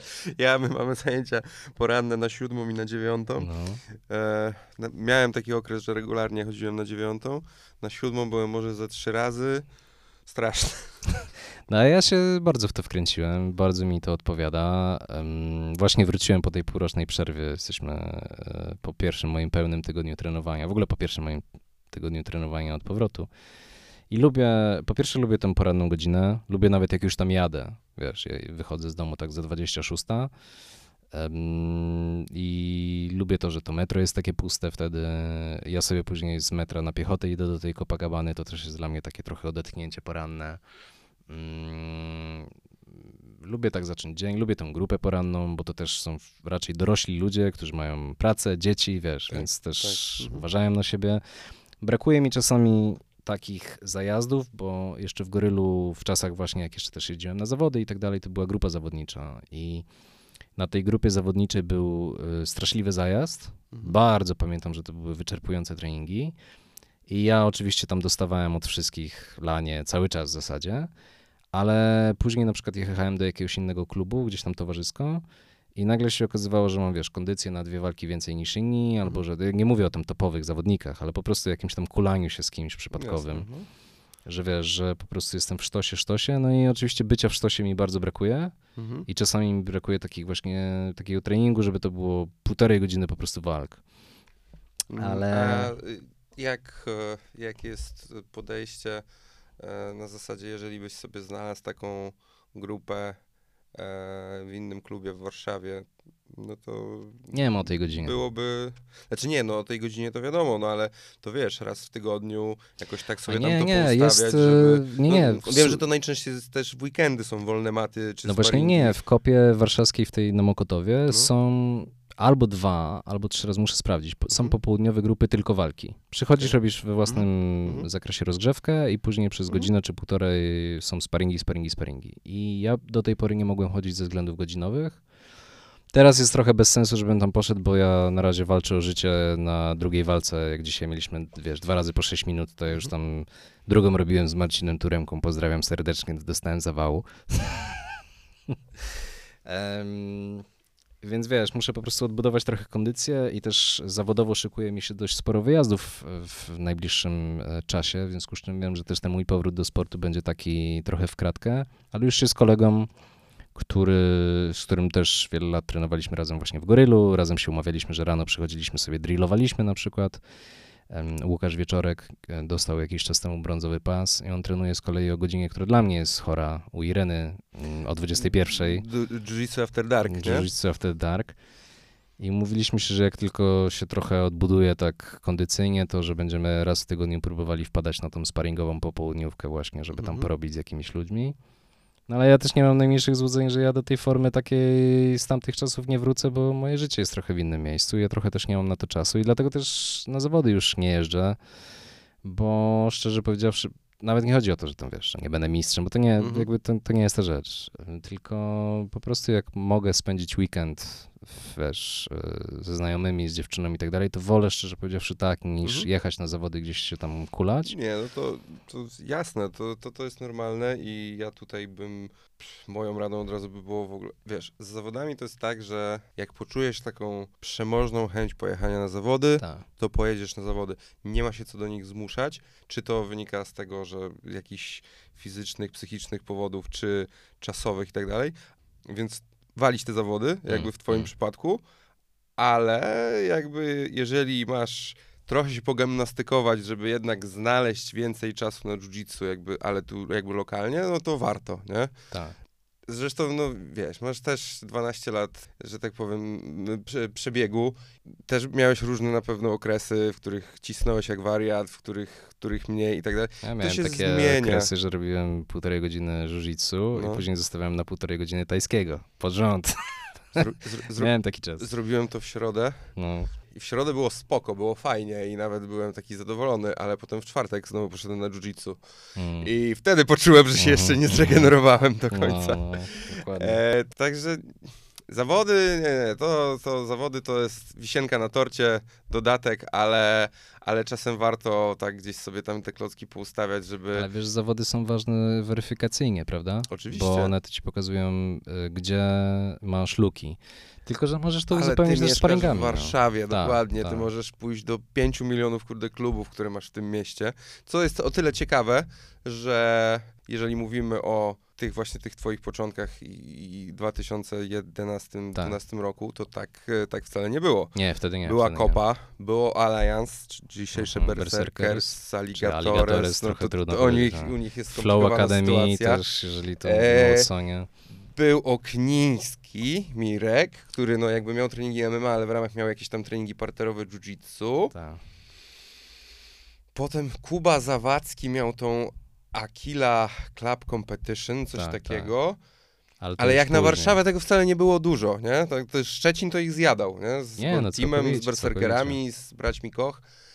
Poznań też miał więcej. A teraz, no to przecież yy, to się zmieniło i w Warszawie jest bardzo dużo tych klubów. Jest mnóstwo, wiesz, w Mnóstwo. każdej dzielnicy można trenować tak naprawdę. Na Ursynowie, ja mieszkam na Ursynowie i to jest no, jedna z największych dzielnic Warszawy i to też, wiesz, dobrze skomunikowana. Ludzie, którzy mają jednak środki, bo żeby też trenować i tak dalej, to moim zdaniem też trzeba mieć na to, albo trzeba mieć czas, bo na przykład jesteś studentem czy cokolwiek, Albo musisz mieć na to trochę środki finansowe, nie dlatego, że treningi są drogie, tylko dlatego, że przez to, że jesteśmy krajem taniej pracy, to musisz zarabiać przynajmniej tyle, żeby móc sobie pozwolić na jakiejś formy relaks. I ten relaks może być najróżniejszy, ale sport jest pewnego rodzaju relaksem. No chyba, że robisz to zawodowo, albo chyba, że robisz to dlatego, bo właśnie stoisz na brankach, bo jesteś policjantem, albo bo po prostu lubisz się z ludźmi bić po lasach, whatever.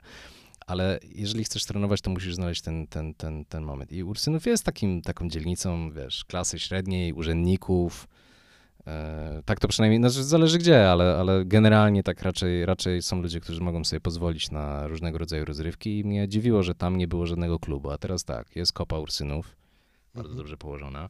Teraz się otworzył, e, czy przeniósł się tam w zasadzie Hunter MMA, gdzie podobno też jest jakieś jiu tylko nie wiem kto prowadzi. Gdzieś słyszałem, że ma się otworzyć coś jeszcze na tym południu. No nie wiem, no generalnie można przebierać w Warszawie. Jest Bardzo naprawdę dużo, sporo, no. sporo klubów. Mm, I w ogóle wydaje mi się, że w wielu polskich miastach jest tak, że masz alternatywy. Nie? W Łodzi jest sporo. Teraz już tak, wiesz. tak. Zresztą no, siedzę tutaj w koszulce Oktopusa. Tak. Pozdrawiam prawda. wszystkich, e, wszystkich z mojego ulubionego klubu łódzkiego. Jak przyjeżdżam do rodziców, to tam właśnie chodzę. Także, także Kraków bardzo długo funkcjonował Kraków, jako no. klub z jednym klubem jiu-jitsu. A teraz ile jest? Kraków, a, a No. teraz jest kilka. U nas w Trójmieście też e, no tak. byliśmy my i Pirania, teraz jest i Łukasz, e, Michalec ma swój klub i Marcin Soszyński ma swój klub. tak. Także no, rozwój jest niesamowity. Dobra, Maciek, widzę, że kolejny raz spoglądasz na No telefon. bo widzę, że Ja wiem. mnie...